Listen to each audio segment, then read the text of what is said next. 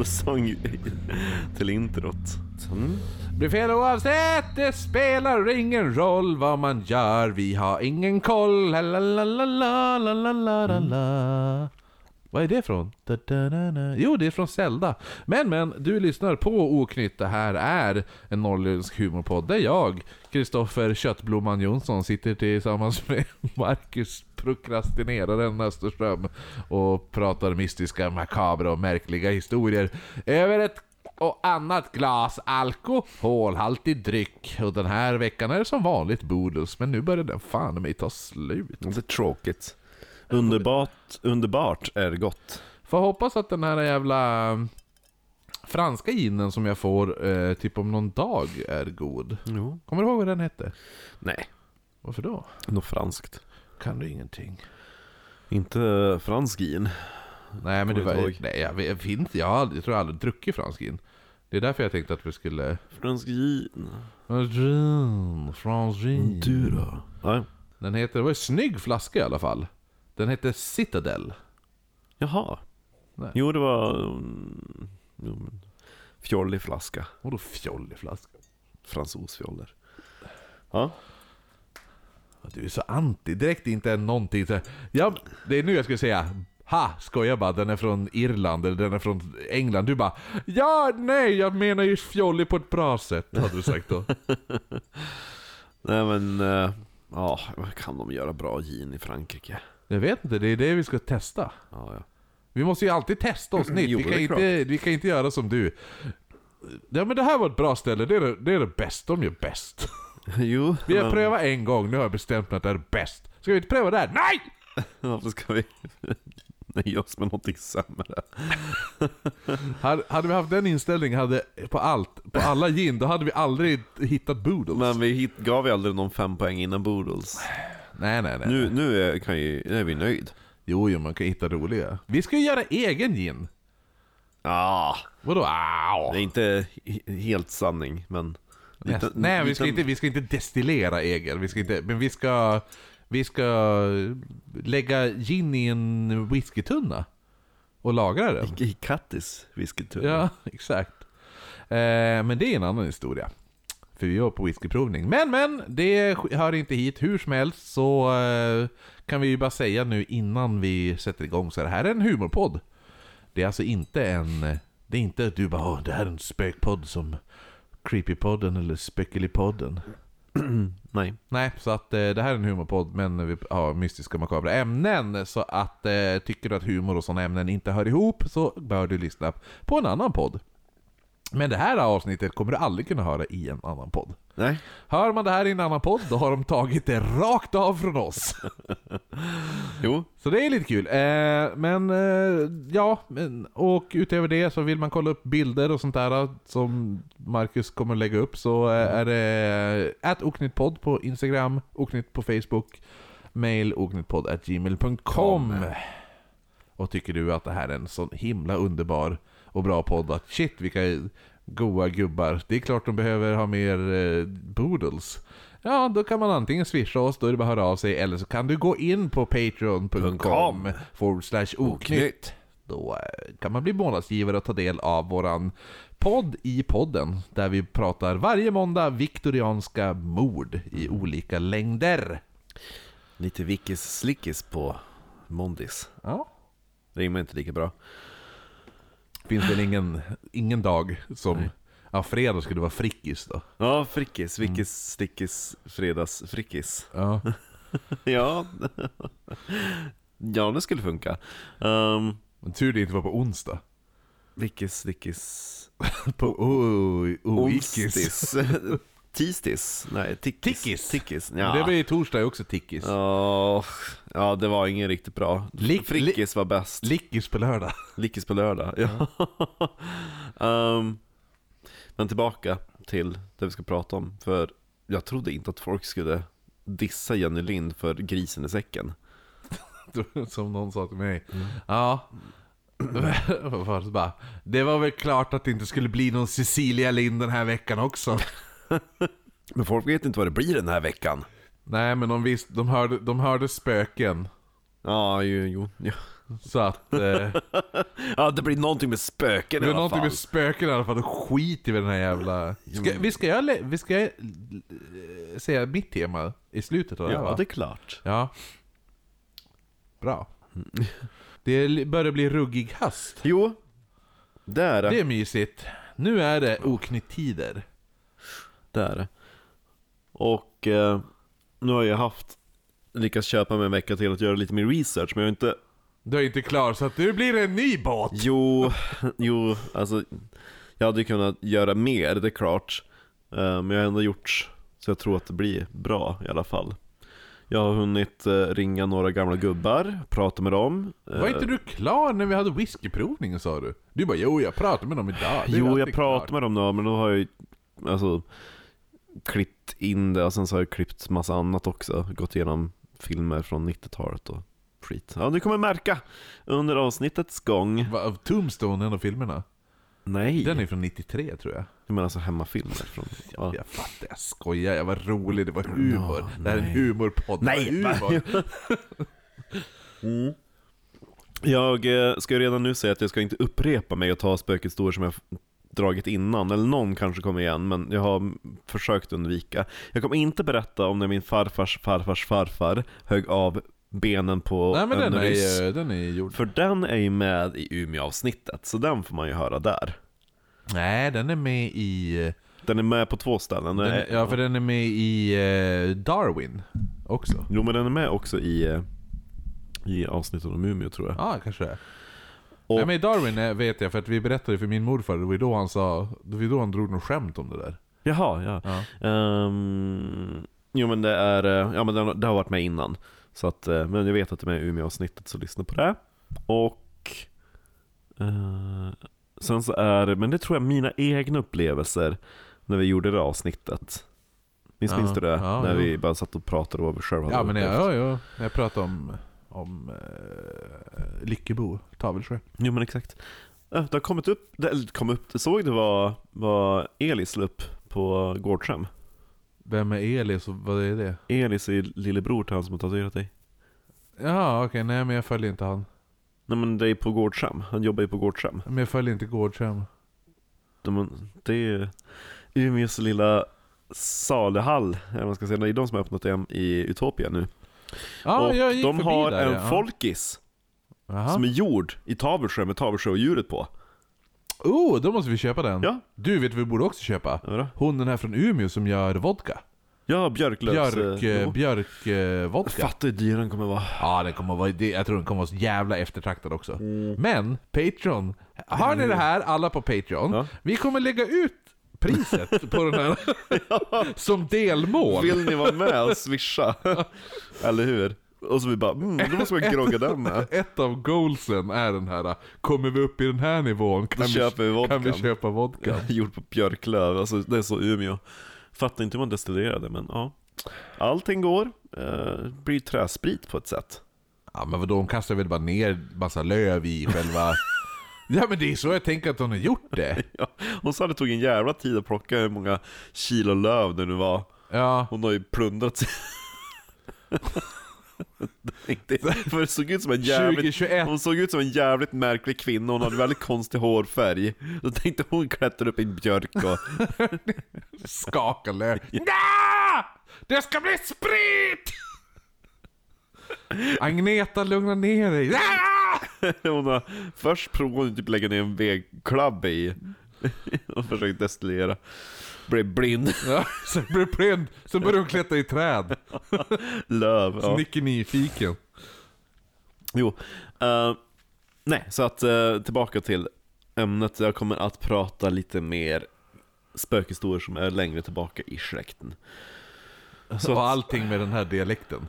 I släkt. Nej, nej det kommer bli, det kommer bli, det kommer att bli dialekter. För ni kommer att få höra min farfar. Ja, Och då du, då blir det dialekt. spännande. Ja. Ehm, och jag åkte hem, inte, ja men förra helgen blir det Jag behöver tänka, var så är vi. Och då har det varit så här att v- min pappa har ju tre syskon, de är totalt fyra. Det är tre bröder och en, en, en flicka, min faster. Ja, jo. Jag skulle gissa att det, det, uteslutningsmetoden. Det är, bara, det är ju det Tre är, det tre är poj- fyra syskon, Ja. tre av dem, det är tre bröder och den sista är... Sista är eh, eh, Jo. det är ju en flicka då. Ja, ja, vad ska jag säga? Tant, dam, ja. ja Kvinna. nej, men- ja, kvin... Kärring. ja, men, eh, Nucka. Och eh, innan farfar dog, han gick ju bort 2000, tidigt 2004 tror jag det var. Och eh, han hade ju delat upp och gett bort typ i princip alla sina pengar och gjort klart sånt. Eh, men sen testam- testamenterade hans, uh, eh, alltså själva huset och all mark. Han bara, det här ska ni samäga. För om, om det blir krig nu igen, han har ju varit med om ett par världskrig. Han bara, det här är ju självförsörjning. Det finns två havsvikar med bra fiskevatten. Massor med skog. Massor med åker och massor Han med tänkte att vi skulle gå potatisland. tillbaka till så här 1800-talet. Ja men han bara, om det blir så att det blir importstopp och grejer och, och krig och har, då har ni en bit mark med lite en vattenpöl. Nej! Tack! Tack papi! Nej!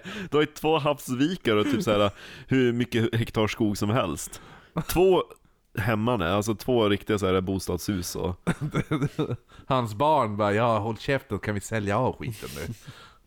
Det var så min eh, äldsta och eh, mellersta far, pappa är yngst. Jaha.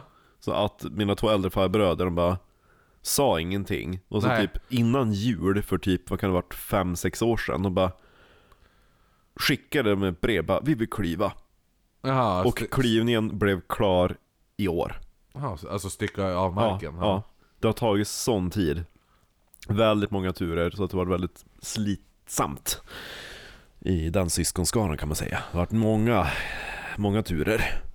Sen så har inte, har inte blivit, saken blivit bättre av min äldsta farbror har eh, börjat bli lite Knarkar. gammal. Ja, nej, men han har ju tapp, börjat då, höra dåligt och så sen typ blivit halvsenil kanske. Jag vet inte. Ja. inte jag, har, jag har inte träffat honom på jättelänge. Det är bara vad jag har hört vad mamma har återberättat. Kul grej med senil. Mm. Senil betyder egentligen Själlös. bara... Va? Själlös. Nej, det är dement. Ja. Eh, nej, senil betyder egentligen bara gammal. Jaha, ja men Ja. då är han senil. Ja, ja. Då är han inte bara halvsenil. Då Nej men då, Nej men, men man säger ju sen, sen, för man säger senile dementia, ja. eh, alltså, eller senil demens. Jo, jo. Det betyder åldersdemens, ja, men Jo. det, ja. Men då har han typ såhär, ja men då ska min, min dotter representera mig istället. Så min kusin, den bitchen, ursäkta, har ju börjat lägga sig i. Jaha, din Och kusin. hon är sån, hon är sån riktig sån här viktig Petter, hon bor på Tomtebo. Ja, lillgammal. Ja, bor på Tomtebo, då jävlar! Tvi, tvi! Ja, nej hon är inte lillgammal, hon är ju typ, vad kan hon vara, 45 eller någonting. Jo, men man är ändå lillgammal i sättet. Du kan ju Ja. ändå träffa en. Nej men hon har någon chefstjänst, hon är så fruktansvärt bara, ja men jag vet. Ja men så här gör vi. Och så snart, Ja, men, ja, men när, lite... när man påpekar att någonting att är fel, hon bara, ja men gjort är gjort. Man bara, men nu kan vi ju rätta till det. Man ska inte gråta över spilld mjölk. Ja, men Nej. sluta hälla ut mjölken. Ja, Ja, exakt. lite så. Ja. Och då när det blev klart med klyvningen, då har de delat in det i olika lotter. För farfar gjorde det, ja det var väl kanske inte så klokt, men han var ju old school, som sagt. Så att han gav ju Han var största, sk- hälften ägde ju min äldsta farbror, för han var ju förstfödd. Jaha, Först kör var det. det Ja, sonen, ja, ja. Och resten delas ju. Han så bara, att, Det här är mitt konungarike. så det blev så, Den förstfödde ska få hälften och ni andra skitungar får dela. nej men då fick min, då fick min faster och pappa, de, de hamnade på samma lott. Ja, Och nu har, de, krä- nu har pappa lämnat in för en till klyvning. Han bara, jag tänker inte dela med henne. nej okej ja. Ja, så han bara, det är bättre. För han bara, fan vad hemskt om... och det är mer bär på min sida. Nej men han bara, ja, det, nej men då han bara, han bara, för tänk vad hemskt om... Vi måste ju splitta på det, för annars måste ni dras med dem när jag har dött. Och då blir det en till klyvning oavsett, då är det bättre Exakt, att bara och då köra måste igång. du dras med din kusin. Ja, Ja. ja. Så att... Exakt. eh, mm. Men i den lotten vi fick, då var farfars hus. Aha, vad kul. Ja, Ja. och då, de, men de har ju inte städat ur det, så de bara 'Men vi har ju kvar saker som vi skulle fått' Jag bara 'Fast nu äger vi allt' Ja, jo, eller hur. Så jag tvingar ju upp eh, eller mamma och pappa vi skulle åka dit nu när vi var hemma. Ja. För de har bara, ja men din kusin ska städa ut vinden. Jag bara, nej! så jag åkte dit då. Fittan! Så jag åkte dit och typ så här plockade på mig allt gammalt jag hittade och la ner en koffert. Ja. Och Du de såg, breven. Det såg ut som att du hade mördat någon när du gick ut från det där huset. Släpa på en tung jävla koffert. Polisen stannade bara, ja du såg lite misstänksam ut Bäst av där." allt var att- Öppna upp, det är så här malätna kläder och helvete. Så bara ja du vet, sa att inte min kusin får tag i skiten. Alltså det är så sjukt. Min mormor var ju så här superpedant. Alltså man kunde ju öppna vilken garderob och det var liksom så här manglade grejer och alltså allting Ja men som min mormor då. Ja. Ja. Och jag har ju märkt vad jag har fått min så här excentriska spara alltihopa drag ifrån. Vet Mm. du vad det mest bisarra jag hittade i de här pappershögarna jag tog med mig hem? Men jag tror du, tror du sa det, men, ja, ber- jo, ja, men, ja men du sa ju något om den här grejen när vi var på whiskyprovningen. Ja, smörpapper. Just ja, smörpapper. Som, var in, ja. som hade varit, eh, liksom, när man hade köpt kalvsylta på Ja. 80-talet. Det satt liksom kvar den där etiketten man skrev ut och satte i, i charken, manuella charken. Mm. Då skrev man, ja men typ såhär, Som Lennart Jäkel och eh, vad heter ja, det? två sådana smörpapper. Ja, som i ja, men Lennart Jäkel Mm. och Rolf Lassgård i eh, Jägarna. När de pratar om deras farsa. Han som alltid sparar på alltihopa. Kan vara bra att ha ifall det blir riktigt kallt i vinter. Nej men, eh, i alla fall, jag, jag satt, eh, när jag tog hem det, det var, nej men det var ännu helgen innan. Så jag hann inte gå igenom alltihopa, så det var därför jag åkte hem extra. Direkt nästa lediga helg då åkte jag hem för att gå igenom alla de här papperen. Ja. Jag bara, det kommer säkert vara hur mycket coola saker som helst. Och det var det. Var det. Ja, men det tog sin tid att gå igenom det. Hittade Alla däremot... smörpapper och bläddra. Jo, och så hittade jag en massa vykort och brev ifrån Winnipeg. Ah, vad kul! Det verkar som att min farfars fars bror emigrerade till ah, Winnipeg. Du har hört om eh, Winnipeg-björnen va? Nej, Har du inte hört om den? nej. Ganska rolig historia. Får jag, får jag bara dra den snabbt? Mm, mm. Men det var en brittisk snubbe, eh, han bodde i London tror jag. Han stack till... Eh, får jag bara kolla upp vad han hette? Jo. Här är en bild på dem. Den här brittiska... Här är björnen och eh, han. Men gud, Ja, en liten, liten bamsebjörn. ja eh, så att... Eh, han, vad heter det nu, Winnipeg, eh, den björnen var då en svartbjörnshona då. Ja, Och eh, då var det så att eh, han hette, nu ska vi se vad han hette. Eh, Harry Colburn hette han. Han var från England och han emigrerade till, till Winnipeg. Och eh, där, där han då skulle börja arbeta som veterinär. ja, Men då blir, han, då blir det första världskriget. Så han blir inkallad då till armén.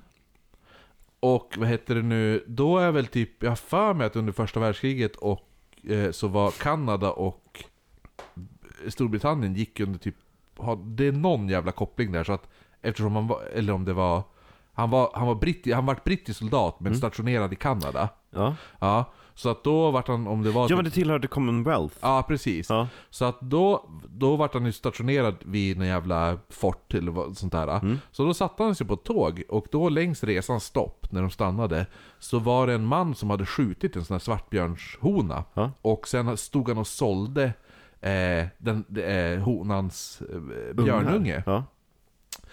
Och då han bara, ja men då köpte han ju den för 20 dollar. För han var ju veterinär, han var djurvän. Ja. Så han köpte den för 20 dollar. Ja. Och tänkte att ja, men jag, jag tar hand om den, sen ska jag släppa ut den i fria. fria. Så då tog de hand om den här björnungen på det här militärlägret. Eh, och vad heter det nu? Och alla älskade den.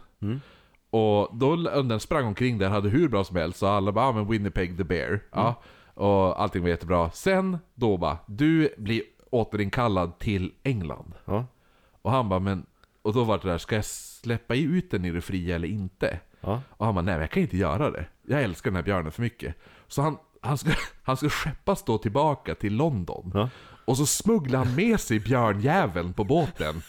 Jag tänker att de bara ger på en, en, en Jolly Bonnet och så klänning och handväska. nej men det är min fru!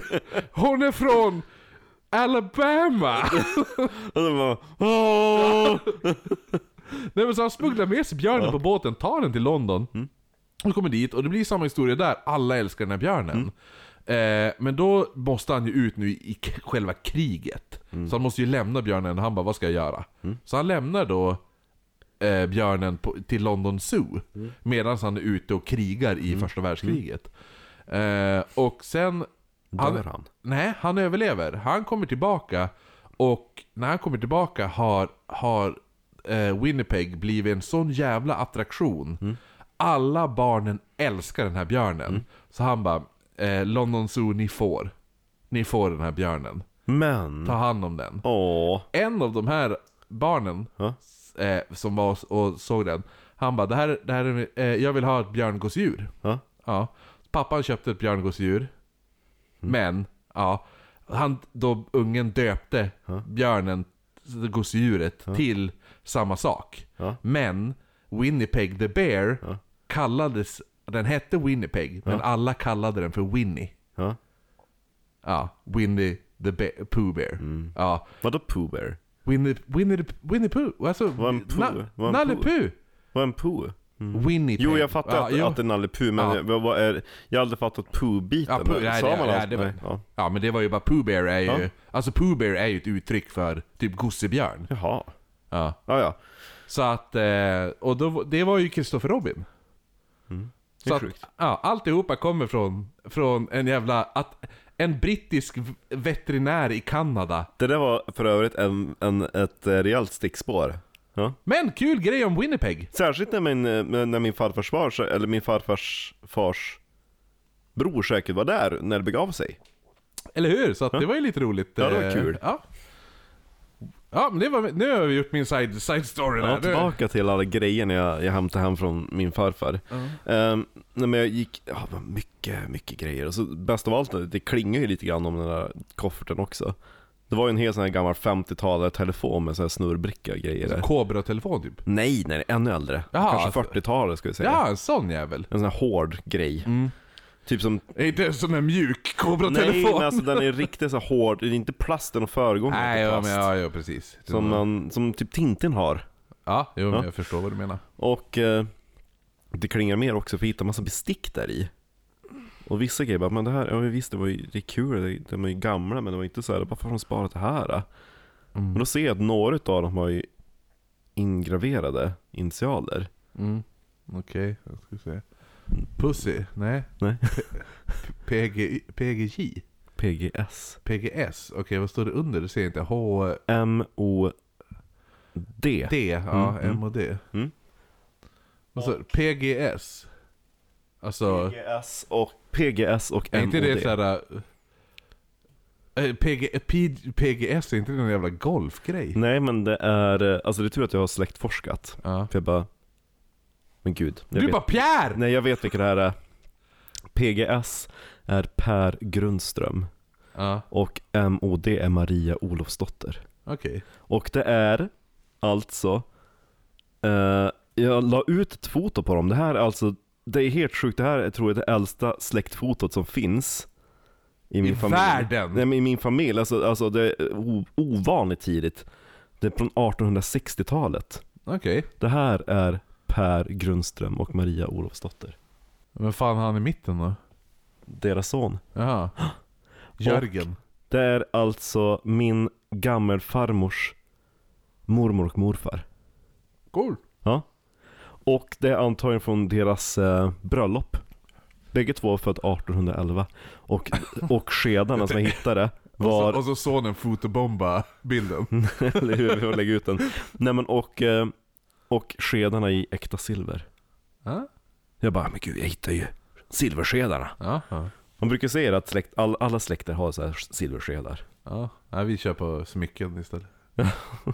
Ehm, Nej men vi har några, vi har väl lite silversked Mm. faktiskt. och eh, när de gifte sig så blev det Maria Olofsdotter Maria Grundström. Mm. Och hon dog 1904. Hon var född... Känner faktiskt, eller min farsa, han, var gam, eh, typ nästan bästa kompis med en som heter Grundström ett tag. Men då, han var från Arjeplog.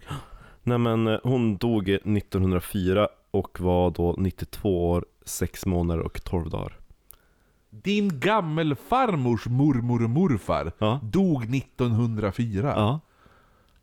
Men, ja, men det är det här som är så konstigt med din släkt. Det är så här. äh, Ja. Och det, det är också sjukt på vilken dag hon dog. Hon dog på måndagen den 29 februari. Och, Skottdagen. ja. ja. Men så sjukt är det. Ja men det är lite kul. Ja, jo, jo. Ja, det, ja, men... Sjukt var det Nej. inte. Och eh, min gammelfarmor, hon som är född 1870. Sa du s- 70? 1870? Hur säger du 70? 1870? Jaha, ja. Alltså, Ja. Men hon, hon, hennes flicknamn var ju Maria Grundström, så hon är döpt efter den här Maria. Mhm. Coolt. Mm. Och det är hon som jag pratar om så mycket, som vi kommer att prata om nu. Eller hon var född 1871, förlåt. 1871 var hon född, hon dog 1970. Ja, men fuck that nu! Till spökhistorier! Ja, eh, nej men det blir lite backstory innan vi kommer till det göttiga. Ja.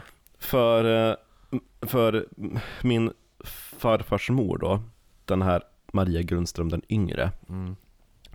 Den här Grundström-släkten var jävligt rika. Okej. De var riktigt tät. Ja. Han som var på fotografiet, Var fan tog de de med, de med silverskedarna, Ja. de hade så mycket pengar så de skänkte en ljuskrona till kyrkan.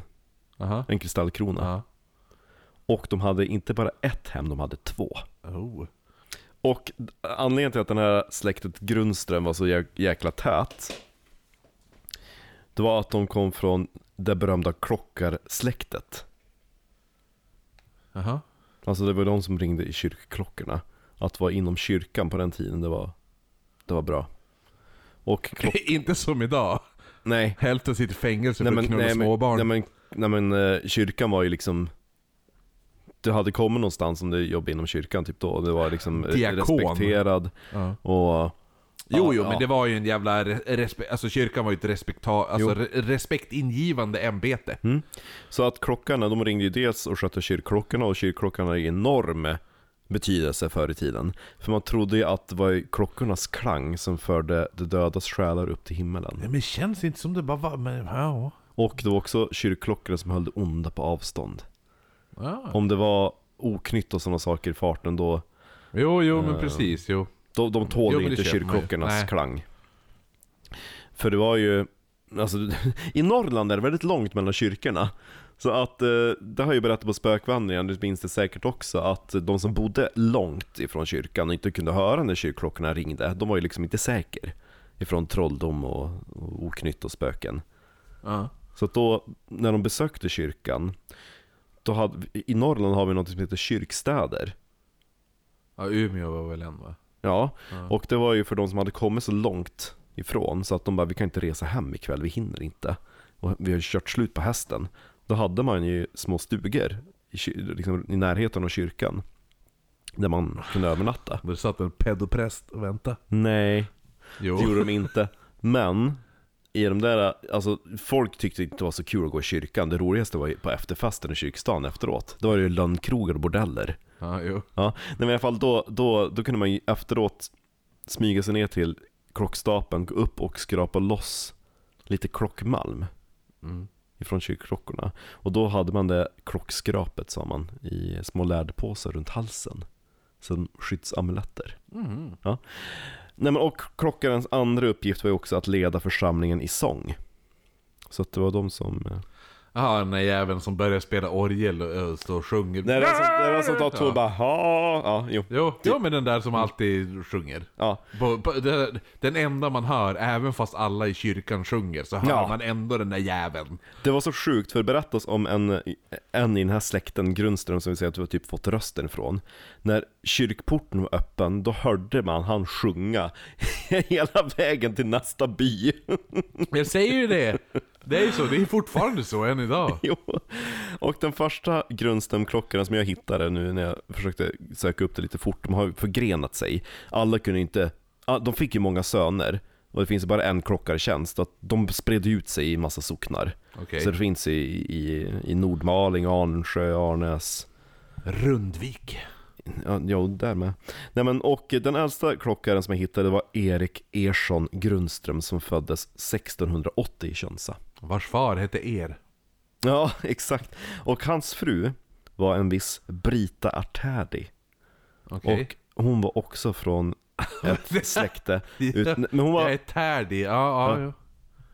ja. Men du kommer få höra kände du till Artärdi? Nej, men tärd känner jag till. Jag har känt mig tärd många gånger. Jo men Artärdi-släktet är ju en, också ett led utav präster och klockare. Men hon var också nära släkt med Peter Artärdi. Och nu läser jag från Peter Artärdis Wikipedia. Peter Artärdi, född 26 februari 1705 i Anundsjö, Ångermanland, död 26 eh, september 1735 i Amsterdam genom drunkning, var en svensk biolog som kallas för iktyologins fader. Artärdi lade tillsammans med Carl von Linné grunden till den moderna nomenklaturen inom biologi och det moderna systematiken. Okej. Han var typ Linnés högra hand. Ja. Och Han var säkert, alltså hade han gått i skolan nu, Mhm. då hade han ju blivit mobbad. Ja. Och så kallades, vad heter han Peter va? Ja, Ja, Peter Retardi hade han ju kallats för. Peter Retardi. Boom! Uh, nej men uh, iktyologi det är ju forskning inom fisk. Ja, du hör ju. Nej men han bara, jag menar alltså, man kan inte säga att allting som simmar i vattnet är en fisk. Nej nej, Han bara, klart. det är ungefär som att säga att allting som flyger är en fågel.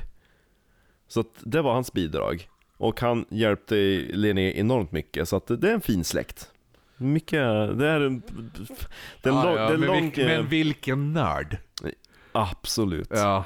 Ja. Peter. Ja, jo. Så att det var så, nu, nu har vi bakgrund till min eh, farfars mor, som, hon kom från en tät familj. Men hon gick ner sig lite grann. Ja, men för det är det jag säger. Vart är pengarna Hon, Marcus? hon, bytte, Vart är pengarna? hon bytte ner sig några pinnhål, för hon förälskade sig i en fiskarson. Som var, det var som var stilig. Som bara... Hon blev ju förälskad i den här mannen. Ska vi se. Min farfars far, Axel Österström. Och det där fotot som jag visade dig, det är när han är i Livgardet i Stockholm. Ja, jo. Så det var ganska, mm, det var extraordinärt att faktiskt en, alltså en, en fiskarson ifrån Grundsunda uppe i Västernorrland fick hamna i Livgardet i Stockholm. Ja, ja, han såg stel ut. Du ska se min, min farmors mor, så jag tänker att hon hade pengar och han Ja. hade deluxe. Okej, ja. För eh, det, det här är ju alltså min farmors mor när hon är eh, Eller när- min farfars mor när hon är eh, 90 år Nu ska vi se Känns som att det kommer komma någon nazistkopplingar snart. Nej det kommer inte komma någon sist koppling Däremot så kommer det komma jättemånga andra roliga kopplingar som inte alls är PK Som du kommer att skratta åt. Eh, Nu ska vi se.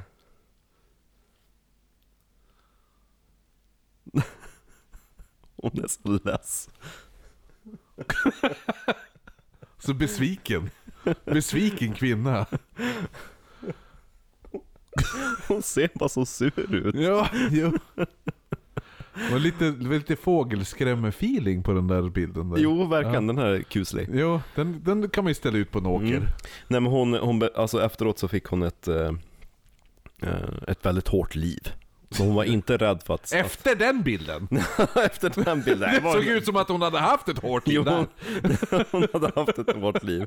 Eh, Nej men jag tänkte att jag ska ta och läsa uh, bit utav ett reportage man gjorde om henne.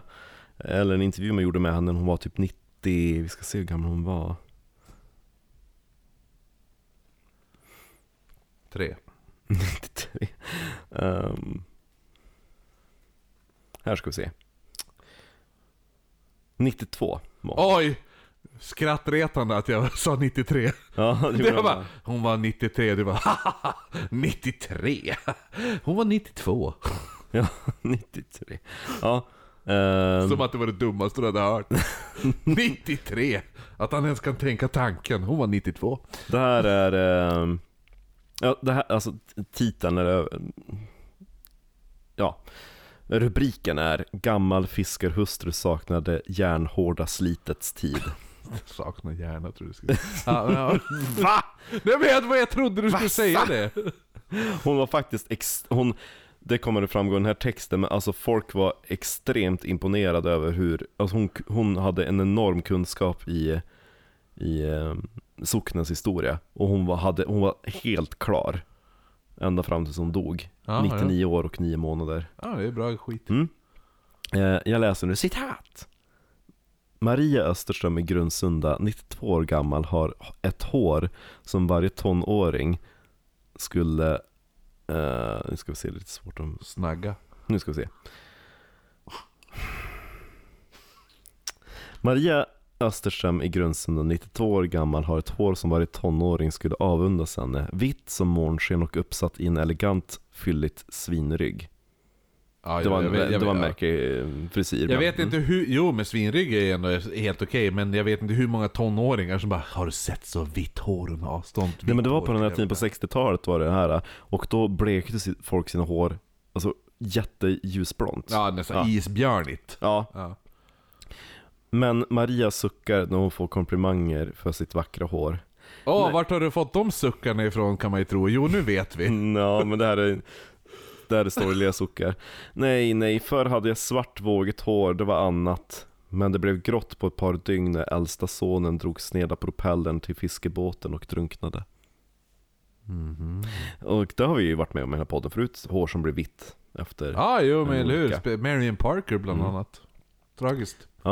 Eh, fortsätt läsa. Hon fick bevittna många drunkningsolyckor under nära 60 år som fiskarhustru. Hon minns namnen på de som blev borta, lika väl som födelse och dödsår. Nu bor hon på ålderdomshemmet i Grundsunda. Livet där är mycket olikt alla de hårda åren, med stormnätter i väntan och eviga bekymmer för småpojkar, kreatur, potatisland och strömmingspriser. Oj, oj, oj. Hon tycker hon fått det bra, ålderdomen har varit skonsam, men helt nöjd kan hon inte vara. Jag duger inte till att arbeta mer. Oh, shit. Det var hennes citat. Hennes far hade lantgård i Fanbyn. Senare flyttade familjen till Önska, där fadern också drev handel. Som helt ung var Maria ute och dansade ibland, men hon hade fyllt 20, då dansade hon aldrig mer. Eller då hade hon inte tid till dans. Vad tragiskt det lät. Ja. Det känns som att det är typ då man ska börja dansa. Jo, hårt arbete, livet gav vardag men aldrig söndag. Men det var fyllt av dramatik. Alltså vad hemskt Ja. det låter. Ja. Två gånger räddade Maria livet på sin syster Betty. Men Betty, vad sysslar du med? Ja, det där måste ju så less Ja, ut. exakt! Det var, det var vardag, all, vad var det? Vardag, aldrig söndag. Ja. för att Betty hela tiden sprang och hoppade ner i älven eller gjorde något dumt Ja, det är så jävla... sjukt, du ska få höra. En gång får hon, får, eh, alltså Maria, får hon upp ur bädden och ryckte undan syster som hade störtat över den heta köksspisen. Tur det inte var på den tiden, det var bensindriven spis i alla fall. Ja, verkligen explodera. En annan gång, när det gick och räfsade vid bäcken, föll Betty i. Ja men såklart hon gör! Maria han, Grundaste bäcken i världen, hon lyckas ändå halvt drunkna. att Maria, eller att Betty blev gammal ett under. Hur? Det är ett under att din gammelmormor inte ens dränkte en. Ja. Maria hann i tid även den gången. Hon lärde sig sköta eh, hem och lagård, ta upp nät och rensa strömming. Ta hand om Betty. Och så... ja, Betty. Och hon fick så småningom låna tant Wibergs eh, symaskin som var Grundsundas första. Men den var svårhanterlig. För, för tant Gusti hade byggt den själv. Nej vad heter hon? Tant, Tant Wiberg. tant Wiberg. Ja. Det var inte en singer. Nej, nej det var ju det var en Wiberg. Hon hade svetsat in. Det är en jag. Alltså, de Den bara, är jättebra, pröva! bäst av allt, de bara Åh, jag hade velat ha haft en symaskin. Jag har en!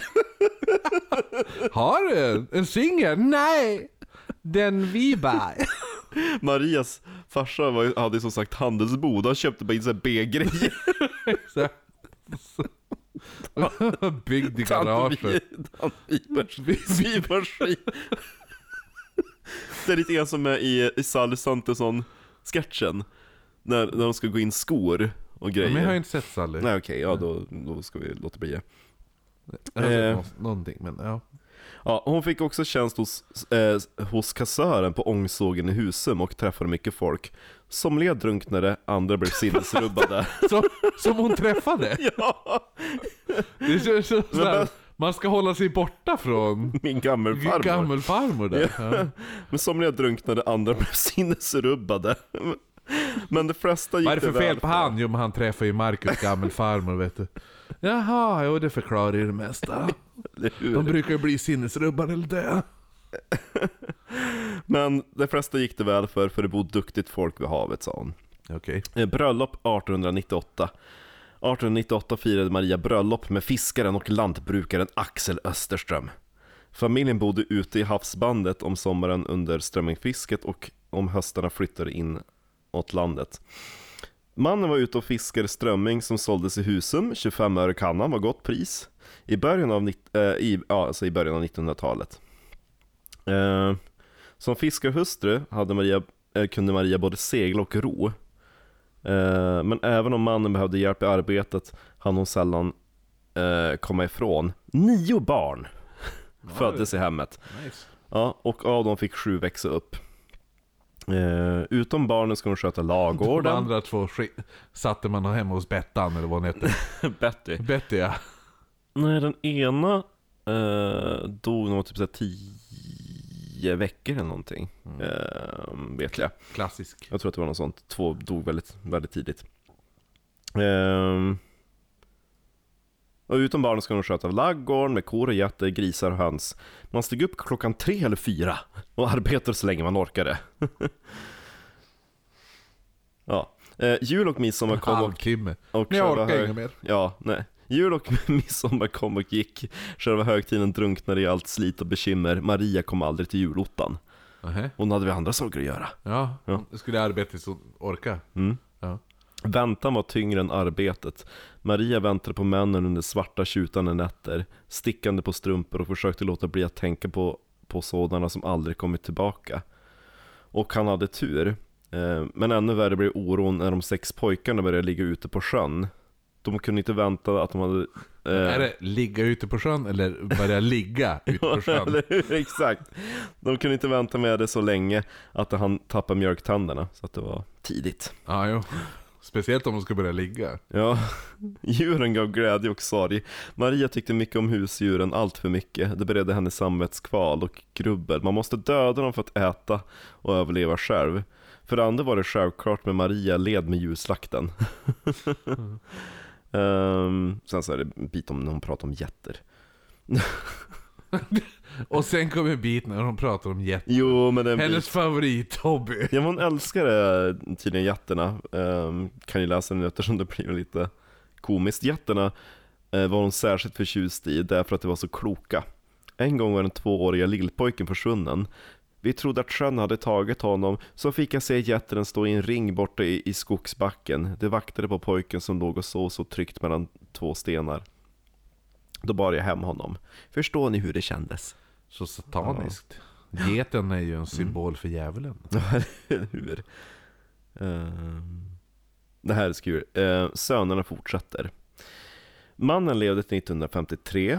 Då var han 79 år och hade slutat fiska. Sönerna har blivit fiskare, alla utom en som övertagit föräldrarnas hem. Maria bodde där ensam tills för tre år sedan. Då återkom barndomens oro för strykande luffare och tattare.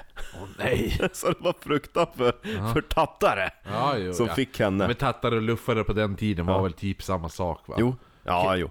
Kringresande människor. Jo, så ja. att det var det som, eh, den oron växte sig övermäktig och drev henne att uppsöka gemenskapen på ålderdomshemmet.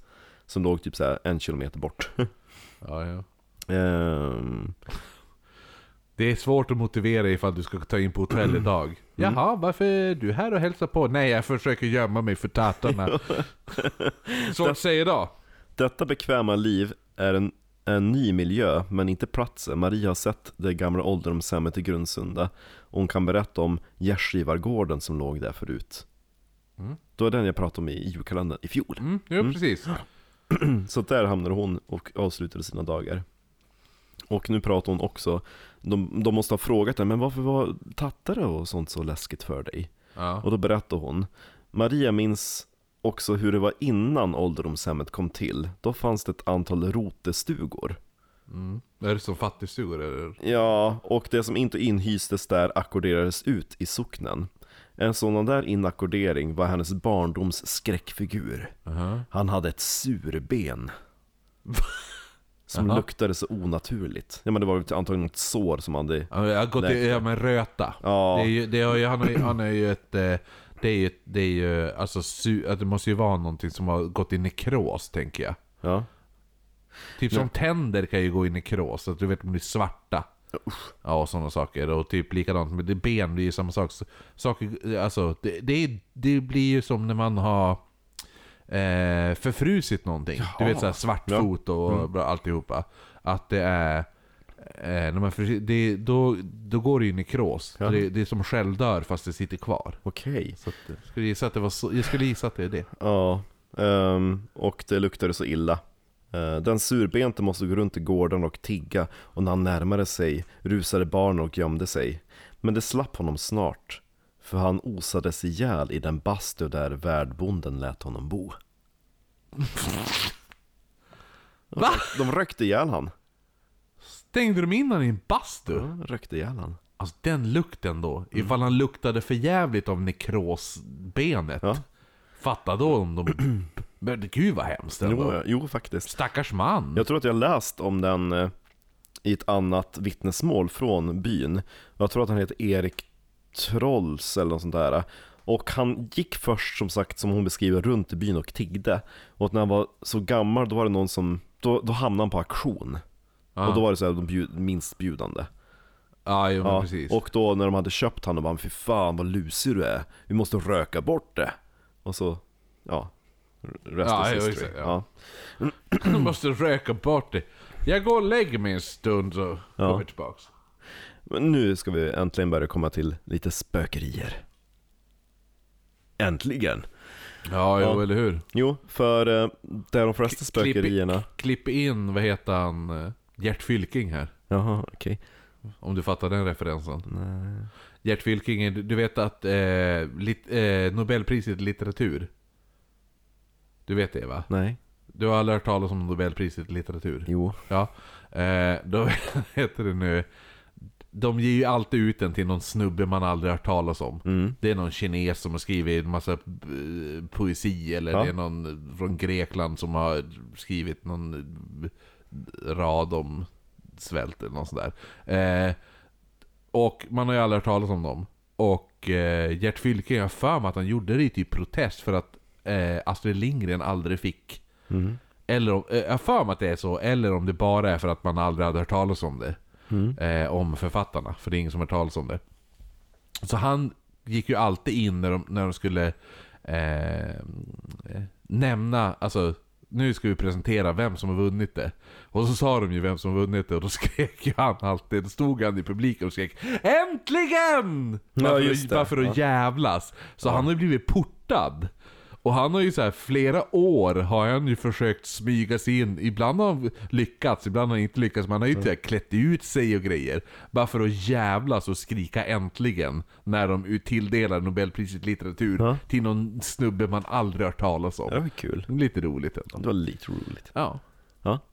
Um, nej men då när Maria blev fiskarhustru, då hade min farfars far, hennes man, byggt en fiskarstuga i eh, en vik som heter, på rikssvenska Malmviken. Men de sa Mörn, Malmvik. Ja. Mörnvika. Mörn? Ja, Vad är det för fel? men ja. Malm i det här sammanhanget betyder typ så stensamling. Det är som Skeppsmarn som de har i norr om Övik.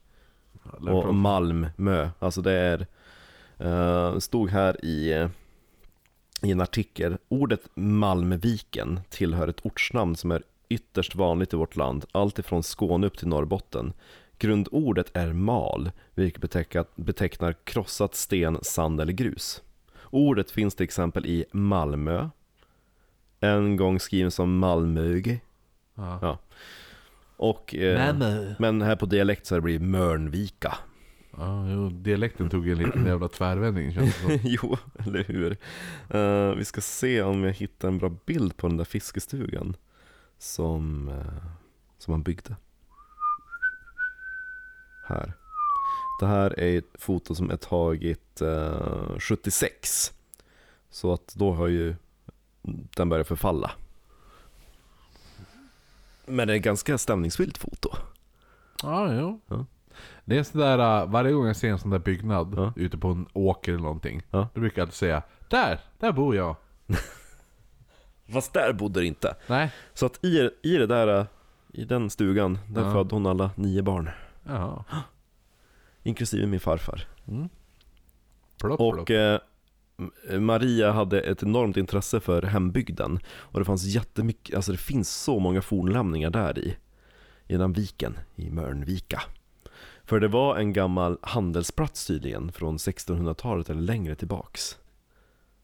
Okej. Ja. Ja. Så att det finns eh, ehm, eh, lämningar därifrån Gävlefiskarna. Ja, de jävla svinen! Ja, vet, men förut så hade, var det ett, ett särskilt, typ såhär, någon gammal lag i Sverige som tillät fiskare från Gävle att fiska längs hela Norrlandskusten. Jaha, okej. Och eh, jag tänkte nu ska vi höra första... Någon svågerpolitisk grej Ja. säkert. Ja. Ja men nu ska vi höra första lilla ljudklippet. För då berättar, Ska jag starta den på datorn? eller? ja, för då berättar min, eh, min gammelfaster om vad, eh, vad hon fick höra utav sin mamma, alltså min gammelfarmor, om Gävlefisken och det är en, en skröna också om hur de försvann ifrån platsen. Okej. Och då ska vi se vilken fil du ska spela. Eh, du ska nog spela den som heter någonting med Djävulfiskarna.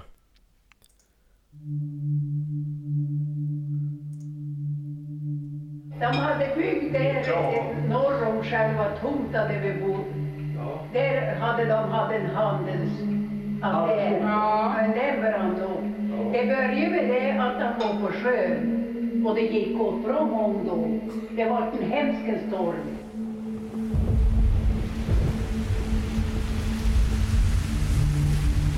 Och du vet att det, det är en sägen som mamma talade om det.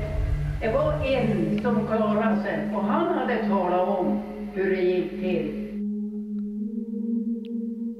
Om det var en dröm eller en ande, det vet, visste inte mamma. Eller. Då kom en på vattnet Åkte skidor. och han sa, ta upp, sköta er och skynda er far hem för det kommer komma ett oväder. Men han inte vet du, utan det var bara en och han hade talat om det.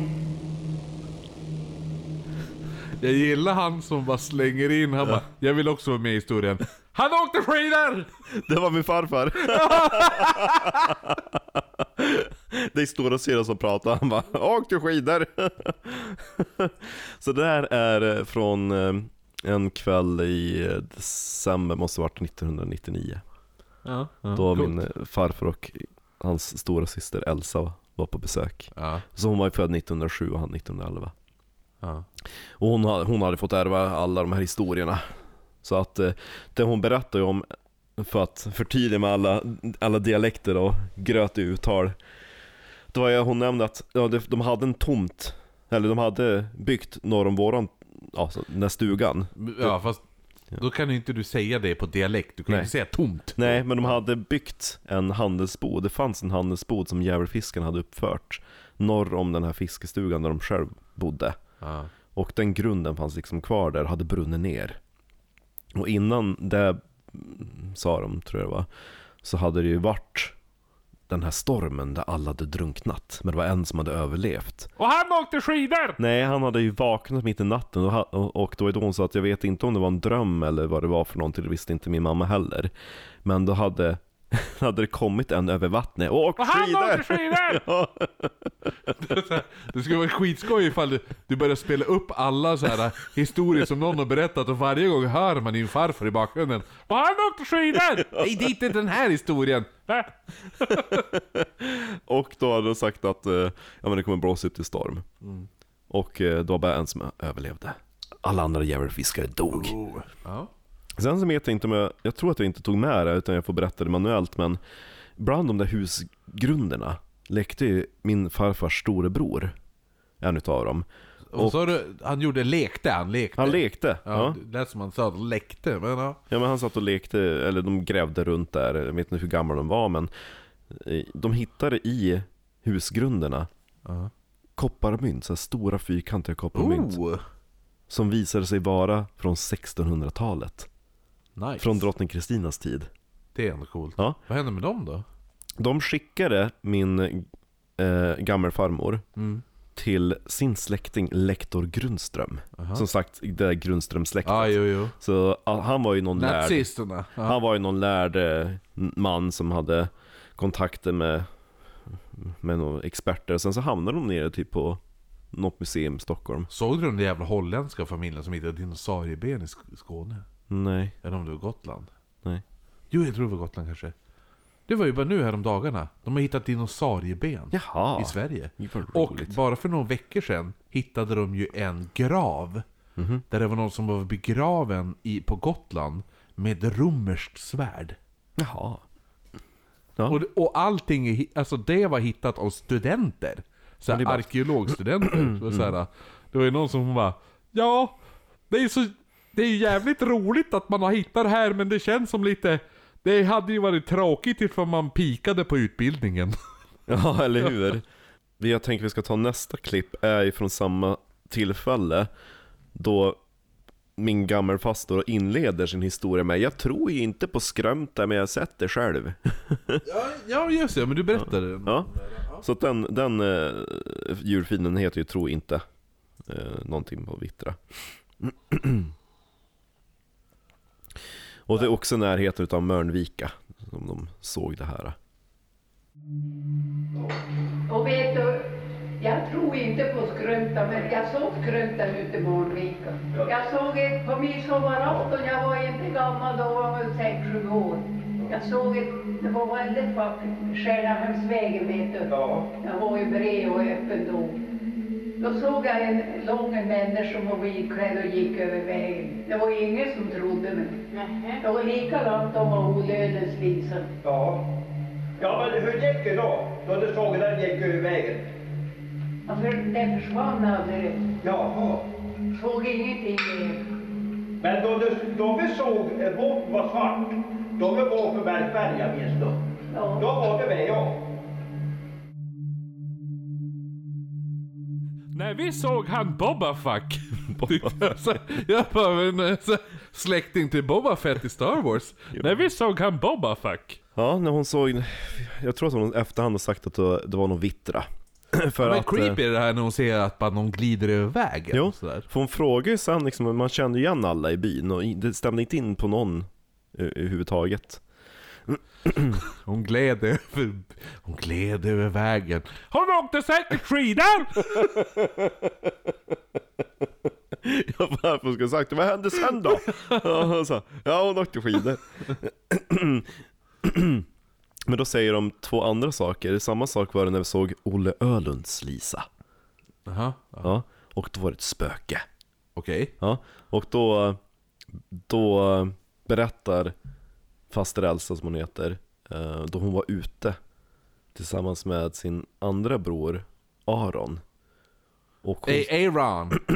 och då, då kunde ju hon se det här spöket men inte han. För Okej. han var inte synsk. Nej. Så det ska vi spela nu. Okej, vad Ja. heter... vad- Den heter Olle Ölunds Lisa. Hon åkte skidor. Ja. Thomas,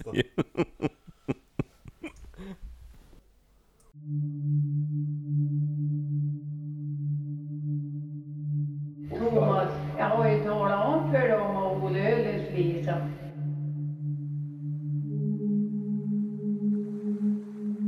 Men Aron och jag som vanligt var ute på Fannstuberget. Och du vet, vi var där och lekte och så var det en tant uppe i Fannbyvika som brukar gå och söka getter. Och så tittade jag bort över, jag minns det särskilt som det vore idag. Och så sa jag, men Aron, ser du Olle Lisa?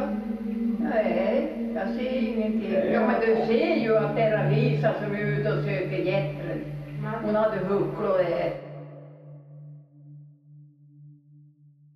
Det där glömde vi bort, men när vi kom in, mamma hade Han var inte han vet du. Nej.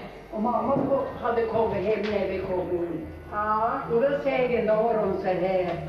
Ja, Elsa säger att hon har sett Olle Öles Lisa ut och söka getren. Ja, vad du pratar som mamma. Hon dog ju klockan fem. Det, det här hände samma sak en eh, kompis till mig. Eller det hände inte hans komp alltså min kompis, men hände hans farsa när hans farsa var ung. Eh, likadan, alltså nästan samma sak. Eh, där det var att de hade... Det var en tant ute vid, vid eh, där de bodde. De bodde vid något stugområde någonstans som det var i Holmsund och sådär. Men nej, det var inte Holmsund. Det var ju i... Det var, jo men det var i Övik någonstans. Eh, och eh, Jocke heter han, han bor här på Ålidhem faktiskt. Eh, hans farsa då, när han var ung, då hade... Varje dag gick någon jävla kärring ut och vandra. Åh. Och eh, hon gick ju och hejade på alla. Hon gick förbi, hon hade så här, det var så här klockslag. Ja. Man kunde ställa klockan efter henne liksom. Eh, Typ som eh, Svarta Madame på Västra kyrkogården. Ja men eller hur. Och hon gick ju alltid, fast, fast vid liv då. Ja, och, och, och hon gick ju alltid, hon hejade alltid på alla och hejade och vinkade och allt sånt där. Och gick förbi och så gick hon en tur runt sjön. Och så tillbaka till sitt hus då. Men e- en dag, då vet du nu, då hade hon, då hade hon ju gått och då hade ju, då hade min kompis farsa mött henne på vägen. Han och hans brorsa hade mött henne. Och då hade de ju bara hej hej, typ tant Hej. Gerda eller vad hon hette. Ja. Eller något sånt där. Men hon hade inte ens tittat på dem, hon hade bara gått rakt fram. Och, så här. Och, hon, och de märkte att hon tittade inte upp, eller hon gick bara med blicken rakt fram hela tiden. Och så sen sa de att när de kom hem igen så berättade de för, för deras föräldrar att ja, men vet, vet, Gerda hon var jävligt konstig och Ja. sådär. De bara vad, vad pratar du om? Och de bara nej men hon sa inte hej eller någonting. De bara men Gerda dog i natt. Mm.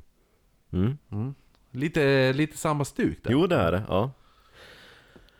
Ehm, vi ska fortsätta på spökhistorietemat. Um, jag ska nämna också att eh, Elsa sa att de var ute på Fattigstugberget när de såg det här. Ja. Och jag har frågat, och det är ingen som vet vilket berg hon refererar till. Nej, för jag hörde de sa något om det. För jag Ja. tyckte först de sa Skuleberget. Jaha, nej. De sa. Fattigstugberg, för det skulle funnits en fattigstuga där förut. Där man hade korn och sånt till utskänkes under, till de fattiga. Det är synd att våra lyssnare från södra Sverige inte har undertexter.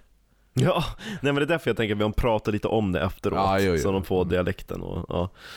Ehm, och sen så var det i det klippet, eller om det var klippet innan då, då farfar sa, ja men eh, det var ungefär som när vi såg båten som var svart.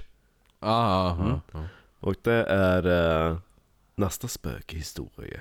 Så att då ska du få spela upp klippet som heter Henning Grundström.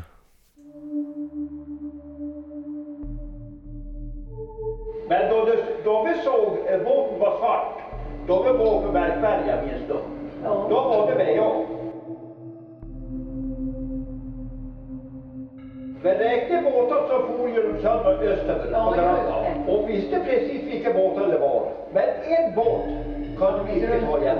Han var vit målad, men såg svart ut. Ja, men. Han kommer aldrig hem.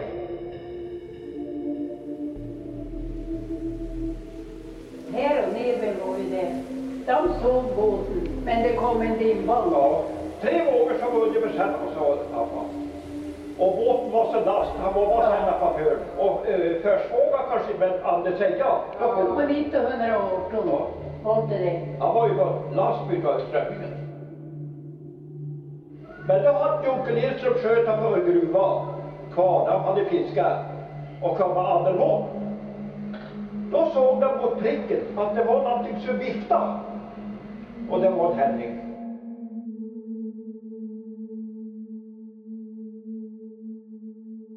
En Henning han klarade sig. Pappan sa ta det som åren och det som är. Och så tog en adjöord. Ja, kaka det är du var kaka. en Henning, han blev inte densamma sen. Ja. Han stal och han, jag vet inte gudarna. Han vart inte densamma sen. Nej. Nej, men du, det, halva av det där får du fan översätta. Jag ska hämta för, för pappa gjorde en eh, kulturhjärna och intervjuade farfar om det där och skrev ner det. Och då är det mer Ja. detaljer. Ja, vad bra. För att det var ett tag där, det lät som hon pratade om invandrare ett tag. Nej, Och hon, sen kom ju invandrarna! Och, nej men och så, farfar och så var du uppe på gruva. Det var ett, där, ett ställe där de la ut Det var så näten när och- båda två har den där jävla dialekten och så Jo. sen börjar de prata i mun på varandra Jo. nästan. Och då bara... "How are you?" Så här Arnold Schwarzenegger nästan. Så här kommer, vad ska jag säga, textversionen.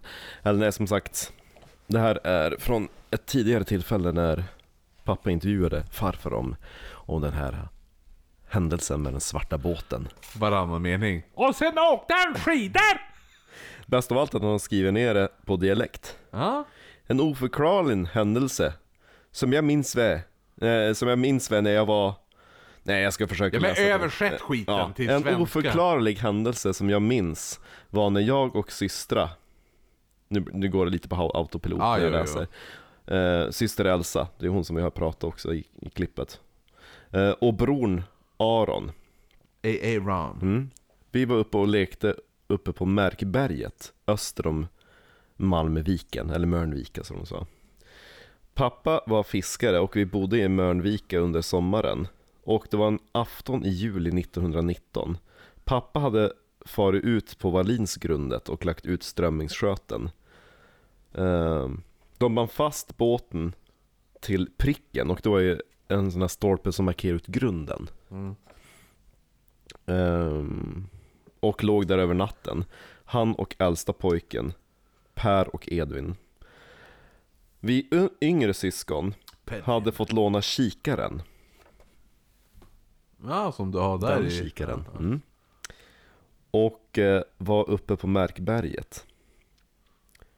Och tittade på båtarna som får ut en efter en, det tyckte vi var roligt.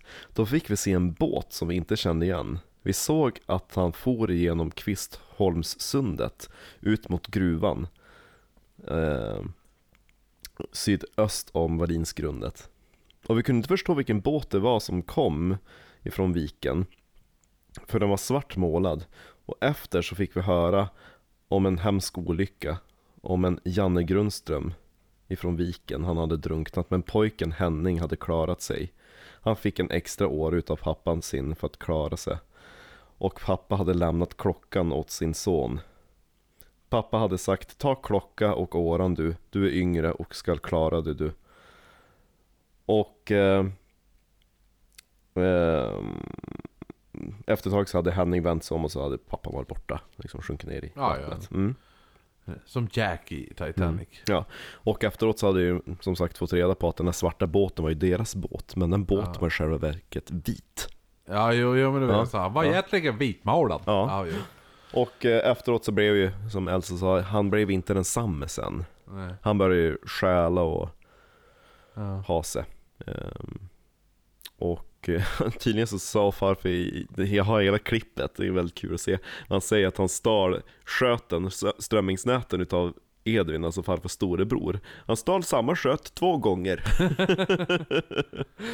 Ehm, efteråt så har jag faktiskt kollat upp och så- och såg vad som blev av han. Eh, det var väldigt tråkigt för han tappade som sagt sin pappa i den här olyckan. Eh, såg sin egen far drunkna. Och året efter dog hans mamma i sorg. Ja. Så att man kan ju förstå att han blev lite knäpp. Jo, jo, jo. Eller så träffade han min gammelfarmor. Exakt.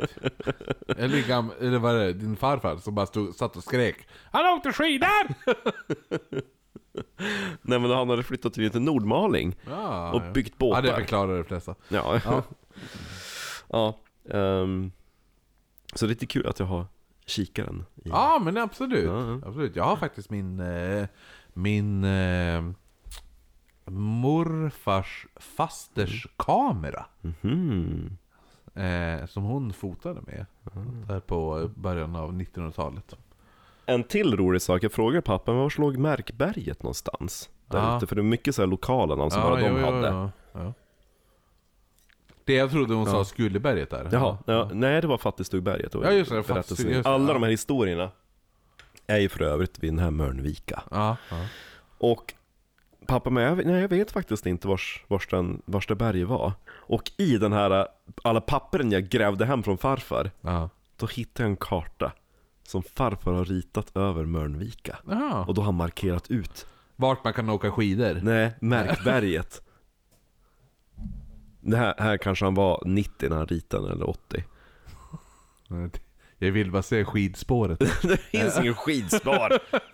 ja men det var ändå kul. Ja, det var kul. Det är lite som Sagan om ringen. Jag, jag, jag gillar att han la in lite skorstensrök också. bara, för att, bara för att man skulle förstå att det var en stuga. Ja, men han har ju ritat in så här stenlabyrinter och, och, och grejer. Ehm, eh, men han skrev faktiskt lite kul, för de sa ju Mörnvika, men han har skrivit ordentligt på rikssvenska Malmviken. Ah, ja, men Ja, du ser ju.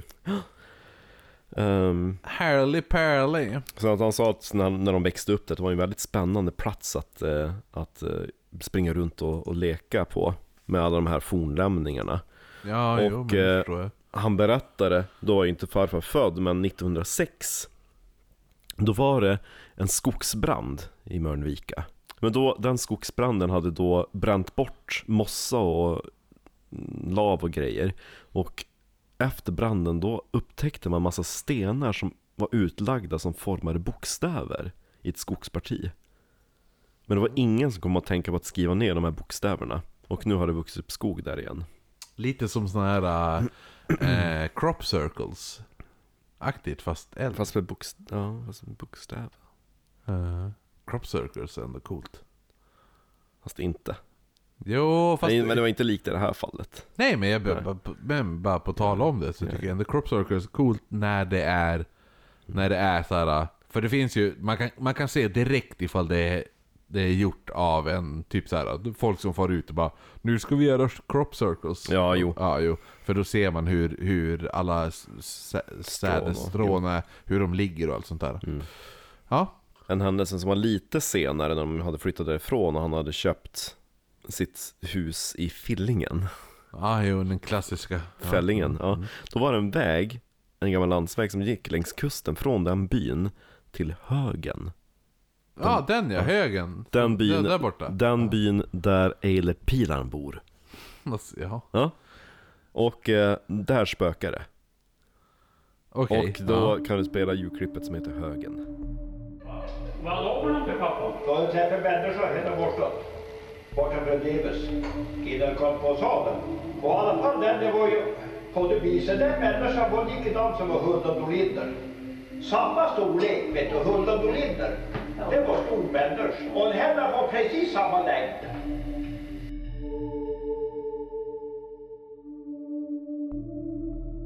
Då sa vi sen när vi kom på salen, eh, var där och du har ju fotat främmen.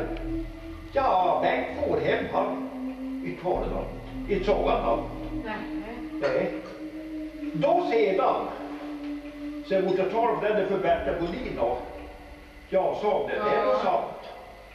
För kanske det var 35 år sedan då, sen hon var dömda. Det var också på Tittnälla. Ja. Gick jag till vägen där. Var det du och mamma då som mötte? Ja, hon såg jag. Det är som en vanlig människa som gick på den tiden. Även den historien är sann. Det kan jag säga åt vilken professor som helst. Ja, att det är sant det vi såg. De såg bägge två. Alltså, vem är kvinnan som är så less Min mor! på att höra det här? Ja! Ja, mhm, jaha. Jag tror hon försöker låta fascinerad. Ja, exakt. Men Hon bästa... låter så, man hör, hon har hört det här 52 000 gånger och bara Nej, det har hon Jaha, Men mhm. det som var så kul var att, det har jag inte tagit med, men då farfar pratar om när hans storebror hittade de här pengarna. Men vad sa han? Vad sa han? Jag hörde ju... Jo, men jag ska ta det, men jag ska dra det här med pengarna och min mor som låter så less. För då, då säger han, men varför har man inte grävt mer där? Det finns mer pengar där. Ja. Och så man hur mycket finns det begravt där? Ja, ingen vet, säger farfar. Och hon bara, nej. ja, Man bara, men alltså, jag bara, men alltså hur, en, alltså, hur ska han kunna veta hur mycket pengar hon grävde ner på 1600-talet, mamma? Ja, ja, ja. Ja, ehm, nej men han, han berättar bara att uh, de mötte en stor en människa på den Jo, jo, men vägen. det hörde jag. Som såg ut som Hulda Norlinder. Ja, vad var det? det var en stor en människa. Vem är det? Det är, bara, det är bara så att alla, alla ska veta vem fan det är. Hon var stor. Är som människa. såhär det är så bara, jag bara, och han såg ju ut som Lebbe Galinda. Ungefär, och så sen, så här, och, spela, spela upp det om, om, Hundra år. ja om hundra år, alla bara, vad fan är den här jävla Lebbe Galinda de pratar om? Jo men hon jobbar ju på samma sätt där Sura Sussi jobbar. Uh, nej men då, när de hade kommit fram till den byn, då hade de ju frågat vad hon hette, uh, Mol, någon Molin. Det finns många Molin i den byn än, så jag glömt bort vilken för- förnamnet var, men Ja, jag ska hänga. Men hade du fått något främmande? Bara nej. Och sen så bara, ja, men jaha, ja men hon, hon spökar ju där på den vägen. Det är många som har sitt den människan. Och så bäst av allt bara, vi såg den bägge tvån. Ja, båda två. Båda Ja, två jo. ja. Ehm, ja men ett, ett tjog. Eh, ja, och eh, det som är så kul är att eh, jag har fått höra från folk som är jämngamla med min syster att man har sett henne än idag. Oh. Lång svartklädd kvinna. Och jag tror att inte tog med det för jag tror att mamma pratade Men om... kan det någon gång komma ett fucking jävla spökkvinna som är klädd i en jävla Färgglatt. batik-overall Ja, eller eller någonting? Nej, men jag tror att jag klippte bort det för då min mamma säger någonting eller om det är jag som säger någonting. Eh, men då säger farfar, ehm, vad var det? Han åkte skidor! Uh, när vi såg den bägge tvån, uh, vad var det? Det var någonting med hon. Nej men att hon såg ut som en, van, alltså, som en vanlig människa som gick där på vägen. Ja, ja. Ja, en ja. vanlig människa. Men snart har vi hört, tal, hört slut på grova dialekter. ja jo. Jo men jag tror att det var sista uh, utav, utav Nej men dem. du har väl någon Per Andersson? Jo, det är några fler. Ehm, för, eh, nu ska jag fylla i lite saker som jag grävt upp också. Okej. För de fick som sagt nio barn, min gammelfarfar och min gammelfarmor. Aha. Och eh, utav de sju som överlevde känner ju till alla namn. Det är eh, äldsta sonen Per, sen så var det Edvin, Wilhelm, Aron, ehm, Hugo, nej, nej Elsa Hugo och sen min farfar Hugo, Albin. kän, Hugo känns ändå ovanligt. Jo, det är han som är, var är han? Där någonstans. Och eh, två utav de här sju som blev åtminstone vuxna drunknare. Ja. Eh, men den enda som jag hört historien bakom hur han drunknade var Wilhelm. Okej. Och det finns återberättat i en av de här böckerna, men en tillrättalagd historia. Och det var 1935. Men vad, menas, vad, vad menas med det? Mm, ja men du ska få höra. Ja, För- men vad, vad är tillrätt, Tillrättalagd. Ja, men förskönad. Jaha okej. ja. Ja. Och det var ju typ 1935 och han var väl född, eh, när kan han ha varit född? Ja, han, han var typ 30, tror jag, Ja, ja. drygt. Och de hade varit ute, eh, om det var Husum eller någonstans, och var på väg hem med båt Ja. sent. Och de skulle inte hinna hela vägen hem, så hade de gått in i någon by som, till folk som de kände. Ja. Bara, jo men här, här stannar vi över natten. Vi känner er. Jo men alltså Va? det var allmänt så, jo men Ja, ja, jo. Vi ska sova här Jo men de, det var lite så här fest eh, det Men var här va? i alla fall Ja, ja. Och det, nu det blir tillrättalagd För i boken står det att de tog in där och sen for, bestämde de sig för att fortsätta Men anledningen till att de bestämde sig för att fortsätta var det för att de hade druckit De hade blivit osams Ja, men, men men fortsätta vad? Alltså fortsätta... Fortsätta hem Ja, ja, på, i, i, båten ja jo, jo, Fast det jo. var kolmörkt. Och anledningen till att de hade beslutat sig för det, det var för att de hade druckit, de hade blivit osams med de som bodde där. Och så de bara, men, ja men alltså skit i det, ja men vi åker hem, så slipper ni oss. Och de bara, men alltså Nej men då hade de hade De blivit kändes dyngfulla. Ja, nej men de hade blivit tjurskallig. Och, eh, Det kändes som att de hade spelat in ett båtavsnitt och druckit rom. nej men de hade bråkat och eh, de bara, men då, då drar vi då, och så de bara, men ni kan inte åka hem nu, alltså det är mörkt Ja. De bara, men vi hittar ju vägen Och så här står det i boken Som heter... Eh, fiskarliv i Grundsunda. Oj. En ohygglig olycka inträffade den 20... Beställning, beställningsorder på den va? Nej, det finns inte kvar i efter, tryck. Eftertraktad. Ja, den är väldigt eftertraktad. En ohygglig olycka inträffade den 20 november 1935 utanför Skag då tre fiskare från Fanbeviken omkom. Fem fiskare hade varit på en handelsresa till Övik och var nu på hemväg. Dessa fem var Bengt Norberg, Jonas Lindström, Bror Norberg, Runo Ölund och Wilhelm Österström. Det blåste en bitande hård sydostlig vind. När de kom utanför Skeppsmarn kände de sig utkylda och, gick in där för att få något varmt att dricka. Vid åtta tiden på kvällen lämnade de Skeppsmarn och det var ju då efter de hade druckit och blivit osams. ja. Alla kände väl till farleden och alla var i den tron att allt skulle gå väl. Det hade det också eh, gjort om inte rodret hade hoppat av sina krokar. Man försökte då styra båten med en åra. Det tog tid och under den manövern gick båten på en hälla cirka 10 meter ifrån Österbådan. Två av de ombordvarande, Runo Ören och Bror Norberg, hoppade då i land på Österbådan. Det var någon form av hälla eller någonting bara. Ja, jag för först tänkte jag att det var något gammeldags namn för typ Österbotten. Jag bara, bara, har de tagit sig till Finland helt plötsligt? Och de andra tre arbetade med att få båten från hällan. Det räddade sig eh, det räddade på skäret ropade flera gånger till de som var kvar i båten att även de skulle hoppa i land, men de ville rädda båten. Efter en stund spårades båten av hällen och drev ut i mörkret och alla ljud upphörde. En av männen på hällan, Bror Norberg, som hade fört båten, eh, blev chockad när hans far och kamrater blev borta. Han sprang gång på gång ut i vattnet för att dränka sig. Runo fick springa... Alltså, så dår. Nej men han, han klandrade ju sig själv. Jo, jo, men han sprang gång på gång ut i vattnet för att dränka sig. Nej, det funkar inte. Jag prövar igen. höll ju honom nu tar vi tillbaka. tag lite hårdare. Ja. De höll ju, höll ju honom tillbaka. Ja, i alla fall, på gryningen så upptäcktes en av Svebolagets båtar i nödställd och av signaler. Vid åtta tiden på morgonen gick Torsten Grunberg och Erik Byström ut för att ta upp sköten och fick då se de båda männen som var halvt ihjälfrusna. På det sättet blev de räddade. Efter några timmar hittade man båten sönderslagen på mellanbådan. De omkomna var alla gifta, vilket också var en fel uppgift, för min farfars bror var ogift. Och han eh, blev bara 30 år. Vem, vem är det då? Wilhelm. Ja, det var han. Ja. Okej, ja. Och det är den historien jag har hört. ja. Och så sen nu när jag började släktforska lite mer. Och så men, men, men alltså vänta nu med den äldsta sonen då? Per? ja. Vad hände Eller- med han? Och bara, ja men han drunkna. Jag bara, Men, "Ha- han är då? ja, jag bara, när då? Jag bara, varför har ingen, ingen prat om han? Han- Varför har inte han en historia i en bok? Ja, exakt. Och eh, pappa bara, "Nej, men, ja, men han, han drunknade, vi pratade Det var typ ingen inte som om tyckte han. om Det var han. ingen som pratade om han och eh, ehm, Jag hittade ju en dödsannons, jag visste vilken dag han, eller vilken tid på han hade dött. Aha.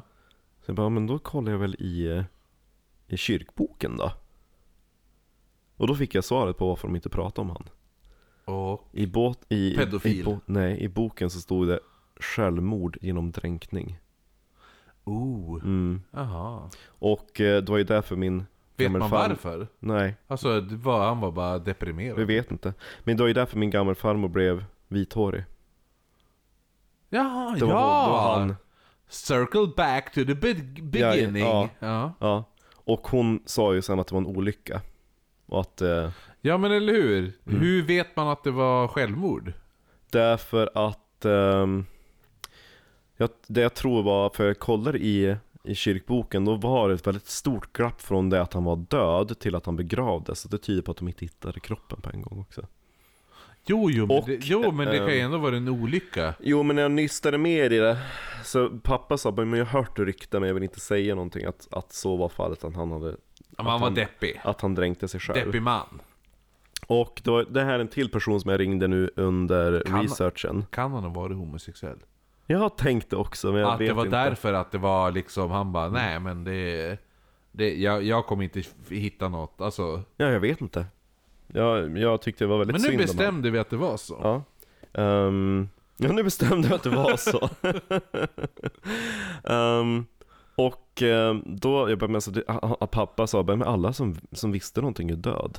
Ja. Jag bara, men jag ger mig inte, jag tänker ta reda på mer. Ja. Och jag bara, det finns en gubbe som, som eventuellt kan ge mig svar och det är en som eh, har vuxit upp i eh, grannbyn. ja, det var den här jävla gammgubben när de bara pratade med han. Ja. och han var... eh, Det var han som också åkte ner till Göteborg och blev lingvistiker. det- Han har, jag har någon bok som han har skrivit. Det är inte lingvistik utan han är ju typ såhär dialektprofessor. Jo, ja, ja, Ja. ja. Så då ringde jag till han. Och ehm, då berättade han först om, om vad han vet. Ja, Och det, då fick jag reda på mer. okej. Och ehm, ehm, vi kan ju spela det ljudklippet. Ja. Det är då den som heter Per Söderlunds någonting. Ja. Har den här. Så, som mormor berättade så hade det hänt flera gånger förut. Hon drog upp honom en gång. En bit ut på viken här, den här eh, utåssidan av viken alltså. Då hade han, hon trodde att han försökte dränkas alltså. Men hon drog upp honom. Han var ju ganska småväxt så att hon orkade med det. Ester Englund. Det var ju inte ovanligt ute i fabriken. De här Söderlundarna, de gick ju åt eh, tre stycken. Det sägs att Jonas Söderlunds far, August, att han dränktes utanför Sjöboden. Det hette sen att, um, att han hade hängt sig i Sjöboden. Det sa Edvin Österström. Men de skar ner honom och tippade honom i sjön för att det skulle se ut som en olycka. Och Axel tog väl livet av sig 1951. Han rullade en kätting kring livet och hoppade ifrån bryggan där på Söderhus på fabrikssidan. Och Alfred låg sig under en gran och frös ihjäl 1956 eller någonting. Och Alfred hade, hade börjat svälta sig så att han blev intagen till kronikerhemmet i Önska. Det var ju nästan Gärdsfurten. Han kunde, han kunde blivit den fjärde av bröderna. Jesus. Ja.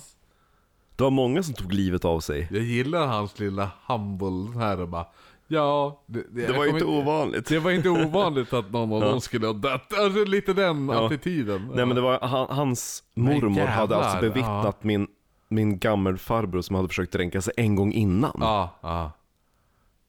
Helt sjukt Ja. ju. Det där var fan... Gud vilken jävla bra... In... Alltså att han berättade det där. Ja. Och, eh, Helvetet så nice det där var. Och att, att de hittade han, eh, för det var ju någon annan som bodde i den byn, de där Söderlundarna. Ja men nice. Vad heter han? Han som du... Som, Han som vi pratade var Ja. Sören Sjöström, han. Sören Sjöström, vilken Ja. jävla stjärna. Ja. Ja. Och ehm, de här Söderlundarna som sagt, det var, ju, det var en ganska stor syskonskara och tre utav de där bröderna dog ju. Det var ju han som de sa, som hade dränkt sig. Ja. Nej, som hade råkat drunkna i en olycka, men han hade ju hängt. Jo, jo, jo. Skar de ner han Ja. och så fick de det att se ut som att Ja. det var en olycka. Och det sa han, det har ju Edvin Österström berättat. Ja, och det ja. var ju min Jo, farfars jo, storebror. Ändå häftigt. Och den sista som han sa, han som höll på att svälta ihjäl sig och blev inskriven på kronikerhemmet i Önska. Det var ju där min gammelfarmor också. Ja, ja. Det var ålderdomshem och kronikerhem var det. Det var där jag grävde upp de här grejerna. ja jo. Ja. Coolt. Ja, det var coolt. Faktiskt, det var intressant. Som sagt, min gammelfarmor hon var född 1871 och dog 1970. Och eh, hon eh, blev den, hon, när hon dog var hon äldst i kommunen. Aha. Mm. Och hon var ju helt klar in, alltså fram tills hon tog ner skylten. Ja. Och det som var så kul, eftersom hon var äldst i socknen så blev det typ här tradition att varje år när hon fyllde år så satte de in i lokaltidningen bara Åh, nu har Maria Österström fyllt år. Ah. Och jag tog kort på alla de annonserna när hon är med för att hon fyllt år. Kung. De bara, ah, nu har hon fyllt 91, 92, 93, 94, 95, 96, Som, 97. eh, Ja. vad heter hon, tant Vincent i Holmsund. Mm. Hon, hon lever ju fortfarande den gamla kärringen. Ja. Hon är ju 107 nu. ja, det är, det är strångt. Tant Vincent i Holmsund. Vincent. Mm. Ehm, Nej, inte Vincent. Hon heter Vincent i efternamn. Ja, ja. Ja. Men när de skulle göra Ändå 107 bast i Holmsund. Det är ändå Ja, bra. jo. Borde ändå vara bland de äldsta i U- Umeå kommun skulle jag gissa. Men när de skulle göra en bok om Grundsundas typ historia eh, och ett, ett hembygdspar som heter typ Otto och Ester Lundström De gjorde så mycket för att bevara hembygdshistoria och markera ut fornminnen och sådana saker och Ja, arrangerade ja. arkeologiska utgrävningar Och de älskade min gammelfarmor i den här boken, i slutet när det finns här personregister, alla har typ såhär, ja ah, men hon förekommer på sida två och tre. Min Ja. gammelfarmor har två rader, Ja, för, jo, för det är jo. så mycket material. Och Jo. mycket är ju med spöken och grejer. Babbelkärring. Ja, och när Pratar hon, överallt hela tiden. Ja, och när hon slutligen dog då, 1970, då... ehm, då var Tack de och med... lov, nu är hon tyst. Nej men då, Ja. då arrangerade de så att de tog sockenfanan, alltså den officiella flaggan för här socknen och draperade den på hennes kista. Och det är den enda gången man gjorde det med någon på, på någon begravning. Häftigt! För att de ansåg att hon var så viktig för, för Hur ser, hur hembygden. ser den flaggan ut? Ja, jag får se om jag hittar någon bild. Ja. Eh, Men hon har en spökhistoria som involverar en präst som körde på vittra. Okej. Ja. Eh, citat. Maria Österström berättar om ett möte med Vittra som prosten Edvall var med om. Då tänker jag bara på Anton Edvall. Nej, vad heter han? Allan. Allan Edvall, inte Anton. för Det är hans karaktärsnamn. Ja, Ant Anton Svensson. Ja. Han kom en afton körande från Fillingen. När han kom till Vimmeråsen fick han se en kvinna kommande mot sig. Ja, ja. Ja. Hon bar på ett rött knyte under ena armen och han tänkte då, är kvinnan blind? Eftersom hon inte ser hästen. Okej. Och det här är så konstigt, han manade på hästen. han ville köra över henne får jag känslan av nu. Dra på! Tanten är blind, hon märker ingenting. Och då får kvinnan huvudstupa in under hästen. Känns som den här tanten inte var någon spöke, det kanske var en riktig tant. Nej, och han, han, prästen blev nu rädd och ropade Har jag kört ihjäl en människa? Och detsamma så, detsamma så föll båda skacklarna ner från hästen. Föll båda vad? Skacklarna. Vad är det? Det, Det är de här jag. pinnarna som går från typ släden eller kärran fram till hästen som man fäster i. Ah, okej, aha. Så var vittra. Oh. Och samma sak, den där prosten Edvard berättade också att, eh, nej, eller var det han? Ah, ja, i vilken ordning man skulle döpa barn, för man döpte, man ska döpa kvinnor först, före pojkar. För om man döper pojkar först så får flickorna skägg om det är samma dopvatten. Trodde man. Ah. alltså, ja. ja, jo, det hör ju. Finns det någon anledning varför man inte är med i Svenska kyrkan? Ja, men eh, jo. Yeah. Röstade du? Det gjorde jag inte. Jag jobbade. Jo, jo, men du har haft en... Du har haft lång haft tid på andra, dig. andra prioriteringar. Nu ska jag föra en liten sorglig historia. Men död, inget mord, det är bara sorgligt. Ja, inte, det är sorgligt. Inte som det vi pratat om ikväll. Nej, nej, det är som har roligt. varit så Ja. roligt. Det är en trafikolycka. Från 1936. Ja. En osannolik trafikolycka på Grundsundavallen. Ehm, en osannolik trafikolycka med dödlig utgång som skapade stor för, eh, förstämning i bygden inträffade 23 augusti 1936 vid Grundsundavallen. Okej. Dagny Nordberg från Önska var på väg med cykel till Grundsundavallens kyrkogård med blommor till graven efter sin far. På vallen kom Konrad inom kaninöron Konke Ja, Olsson det hör jag. Jag har Ja. konked. ja, i sin ägandes Nash. Man hör direkt att ifall han kommer någonstans, då kommer det gå åt helvete. Jo. Och därefter då gamla Kustlandsvägen. Nere i backen i närheten av den gamla kulturskyddade tallen inträffade olyckan. Var Dagny, Konke med inblandad? Ja. ja jo. Ja. Jag förstod det. Dagny som var född i Önska den 12 november 1912. Eh, hon var lantbrevbärare som var mycket omtyckt. Dagnys mor var ensamstående. Nej, var ensamstående. Och på torpet fanns tre kor eh, att... Eh, eh, fanns tre kor och kalvar att sköta. Och man kan bara tänka sig den sorg som drabbade hennes mor Alma. Hennes Dagny var det enda barnet och hon blev bara 23 år gammal. Och varför jag skriver ner dessa rader, säger författaren, är att jag har ett minne från denna tragiska olycka. Min far fick snart höra om händelsen av en bekant och eftersom han hade ett ärende norrut så tog han med sig på sin cykel och satte mig på pakethållaren. Och framme på olycksplatsen minns jag hennes tillknycklade cykel. Hennes stråhatt och blombukett till faderns grav, allt låg kringkastat till vänster vid ett stenröse. Usch, lite, jag börjar, tänka nu bara Mm. på den här eh, Änglahistorien. Ja. Kommer du ihåg det? Kommer du ihåg det? Ja, jo, ja faktiskt. Ja. Det var ju så jävla nasty just att de hittade ju hennes De hittade ju hennes cykel. Telefon. Ja. Ja, allt det där. Mm. Och, och just vad, vad var hon? Hon var, hon var ju typ 12 bast eller något sånt där. Och så den där jävla, vad heter han? Anders Eklund Ja, eller något sånt där. Riktig jävla... Alltså, Ja. han ser ju ut som så här. ifall någon skulle beskriva Tänk dig hur en lastbilschaufför ser Mm. ut. Så såg han ut och han hade typ våldtagit och mördat henne. Fy fan vad nasty! Liten Äck- sidetrack. Ja. Äcklig människa. Och, men själv så hade man ju, eller själv så var ju Dagny redan bortförd i ambulans, men var ju redan död. Och den här författaren säger att jag var då sex år och den synen glömmer jag aldrig så länge jag lever. Nej. Och jag har träffat han, Sture Forsberg heter han som skrev det här. Ja. Och ville veta mer, för det finns en anledning till varför jag grävde fram den här historien. Bara, Och anledningen varför jag aldrig glömmer den synen var för att jag fotade av det. Nej, ja, nästan. Oj, För den som bodde närmast olycksplatsen han fotade av det? var min gammelfarbror. Jaha. Och han var först på plats och tog ett foto. Vilken jävla true crime-nörd han var! Och det har skickat det fotot på mailen. Det är den enda bildfilen i Ja. mailet. Så det kan Ah. den kan du öppna upp och titta på. Och då är det ju Konke, Konrad som står längst fram i svart och tittar ner i marken. Och till vänster om lastbilen så ser man cykeln i diket. Så min farsa, min, nej min farsa, min, min eh, farsas kompis eh, Lars Falk, nu, nu tänkte jag outa hans namn här, men eh, han gjorde ju samma sak för några år sedan, för det var en kvinna som var förs- försvunnen här i Umeå. Mhm. Kanske var 2000, kan det vara 2015 kanske, säger vi.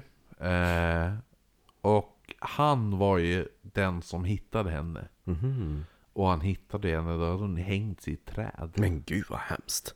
Och han fotade av det. Va? Och skickade till mig och farsan och alltihopa. Va? Ja. Så Men fick, det, det kortet måste du ta med och jag, visa. vet, jag tänker inte lägga ut en bild på en kvinna som vart hängd för några år sedan. Jo! Jag vet inte om jag har kvar den. Men han skickade ju en bild på det. Så att jag, jag, han fick en bild bara, kolla vad jag...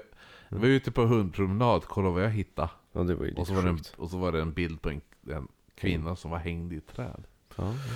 Så det var ju makabert. ja, nej men det här var lite mer Det är en väldigt fin bild på ett Ja, tragiskt ah, sätt jo men absolut. absolut. För att vara en amatörfotograf är det väldigt bra fångat Precis Ja. efter olyckan och han står ju där med sammetskval efter att ha Ja, kört ihjäl ja. Stackars Dagny och kollar ner i marken med händerna i byxfickorna och Cykeln ligger tillknycklad i diket och... Fickrunkar och alltihopa. Ja. det är klart, det måste man ju ändå få skämta Vi om. ska eh, faktiskt avsluta på en, en liten roligare note. Ehm, när farfar fyllde 90 så tog eh, min mellanbror och min pappa och eh, satte ihop ett litet medley Aha, utav låtar som farfar brukade sjunga i skogen när han arbetade. Okej. Ehm, och det är ganska roligt för han har ju dels, det är ju låtar som var populära på den tiden, men han har gjort sin egen lilla twist på det. Dels för att han inte minns texten och så har man Ja, broderat i, ut dem. Som i, fan är det? Care Segemyhr gör de ju mycket om det där. Nej men eh, De har, som, ju, de har ett avsnitt där det är någon som inte kan ABBA-låtarna. Jaha. Då är det ju, vad heter hon? Typ, heter hon Smilla eller Silla eller något Silla där? heter ju... Um, Ja men visst är det, ja, Ja, jo, ja. Och då ska hon ju sjunga någon jävla ABBA-låt och så sen det så det är här- väldigt kul med tanke på att hon gjorde svenska Mamma Mia sen. Jaha, ja. ja. Nej men för då, då var det då så här och då kunde hon absolut inte låta den här någon jävla ABBA-låt och kunde absolut inte texten. Och så försökte ju Lennart Jäkel lära henne texten, hon vägrade, hon bara Nej, det var så här jag uppfattade den när jag var sju år. Och, då, och det, det är så det låter idag och det är helt fel text. Ja men så kan jag tänka mig min farfar var. Uh, nej men eh, jag har ju sjungit en bit, det är en engelsk låt som heter eh, Just, eh, Down by the corner. Down by the corner. När den går eh, Just walk on by, down by the corner. Och, eh, jo, jo, Just walk on by, Down by the corner. Nej, är och farfar någon- sjöng You welcome boy, you heaven. Jo men det var han som hade den jävla egna, egna uttryck för bilar och allt det där. Jo, jo, jo, ja. Eh, så att det här, spela upp eh, filen som heter Sång, så får du höra hur min Ja det, pappa ja. och min farbror tolkar min farfars greatest hits. Och då hör man också vars, alla, vars rösterna i släkten kommer ifrån. Ljuvliga toner i mitt öra, öra, umpa, umpa, skyttepaviljong. Ljuvliga toner i mitt öra, öra, umpa, umpa, skyttepaviljong. I vårens vindar fiska, vi skulle ut och fiska. Där sjöng en liten fiska om vårens glada sång. När de feta herrarna, de vräker sig i kärrarna och efter de vita märrarna och glädjen står i sky. Ja, ja. När man får lätta ankar och fara ut på böjorna de blå. När vi passerar Doggers bankar en liten hälsning från fiskeflottan på. Ja. Hela grasbelupen hydda stod vid häcknas fot. Ja. Höga granar skydda den mot stormens hot. Ja. Ut i härliga vår, ut i vår solens glans. Ja, jo. Så lät det när min farfar arbetade i skogen. Men just den där... eh, Den där och sjätte böljan den jag får. Ja, jo. Den, för anledningen varför jag kan den är Svullo. Det är ganska kul. Jaha. Ja, för han kör ju den, den här... Ja men som jag visade i den här um, Svullo gris vidare Ja. delen. Då han bara, kan du hålla i min kamera? Och så bara, ja, jag ska filma mig. Filmar du mig? Filmar du mig? Ja, ja, ja, filmar. Filmar du mig då? Ja, ja.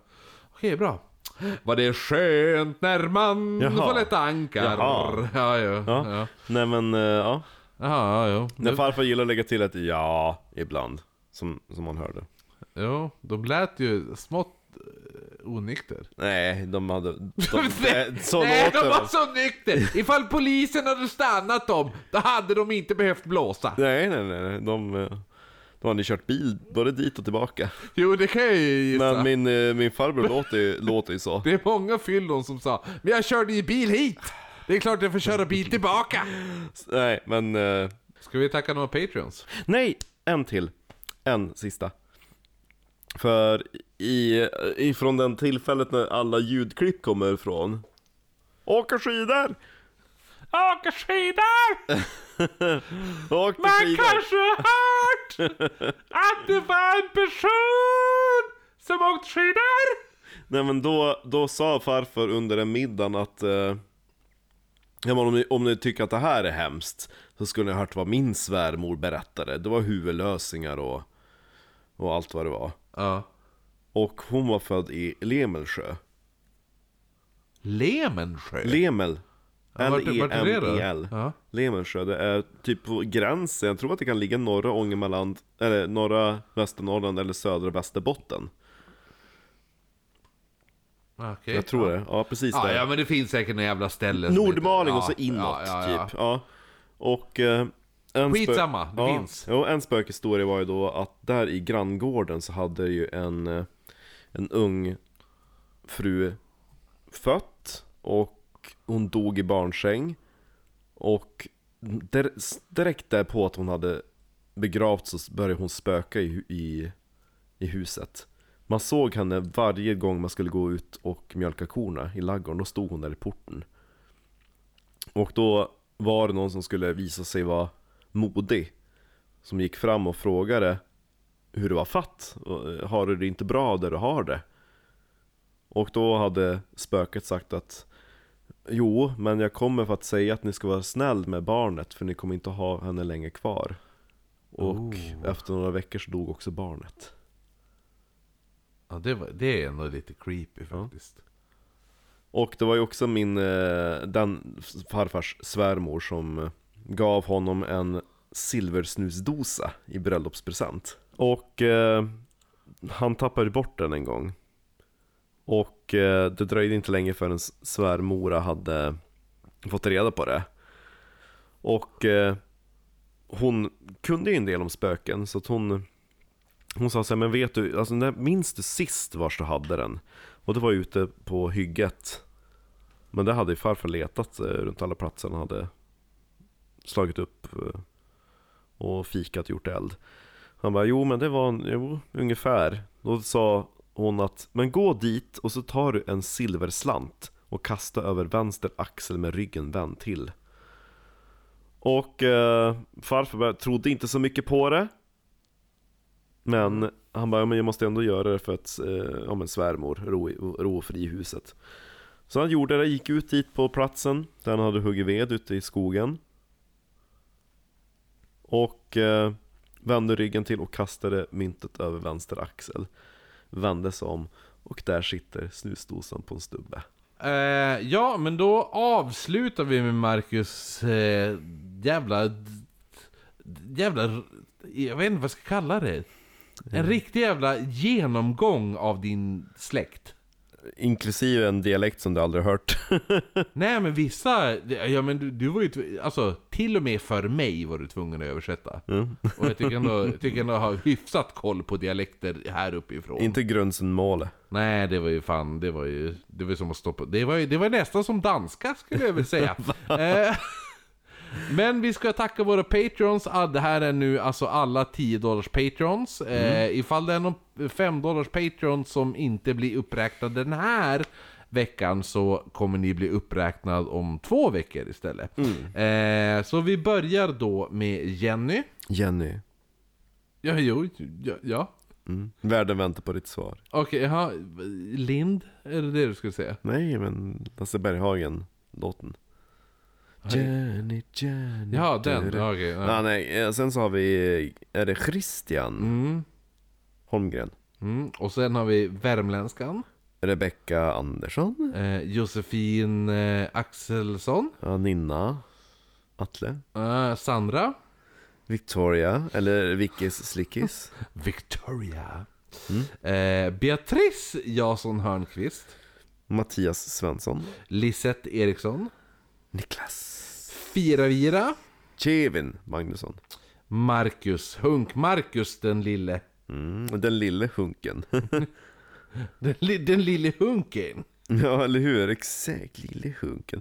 Eh, sen så har vi Jonas Norman. Jonas Spökdemontrollet Ekmark. Eh, Rebecca Olsson. Eh, Björn Nildén. Andreas Pettersson. Sen har vi även Jesper Bussäventyr, Bussäventyret Lindqvist. Som, eh, som nyss har blivit 10 dollars Patreon. Men sist, men absolut och aldrig minst. Satya Silverskrudderna! Vad basig. eh, Jag kände för något nytt. Ja. Ja, ja. Ja, jag känner för något nytt. Ja. Kanske blir straight. Vem Nej, vet? gud. Finns Ah, någon ja. gräns? Ska, jag, ska vi avsluta det här avsnittet då? Med att avslöja ditt tema. Ja.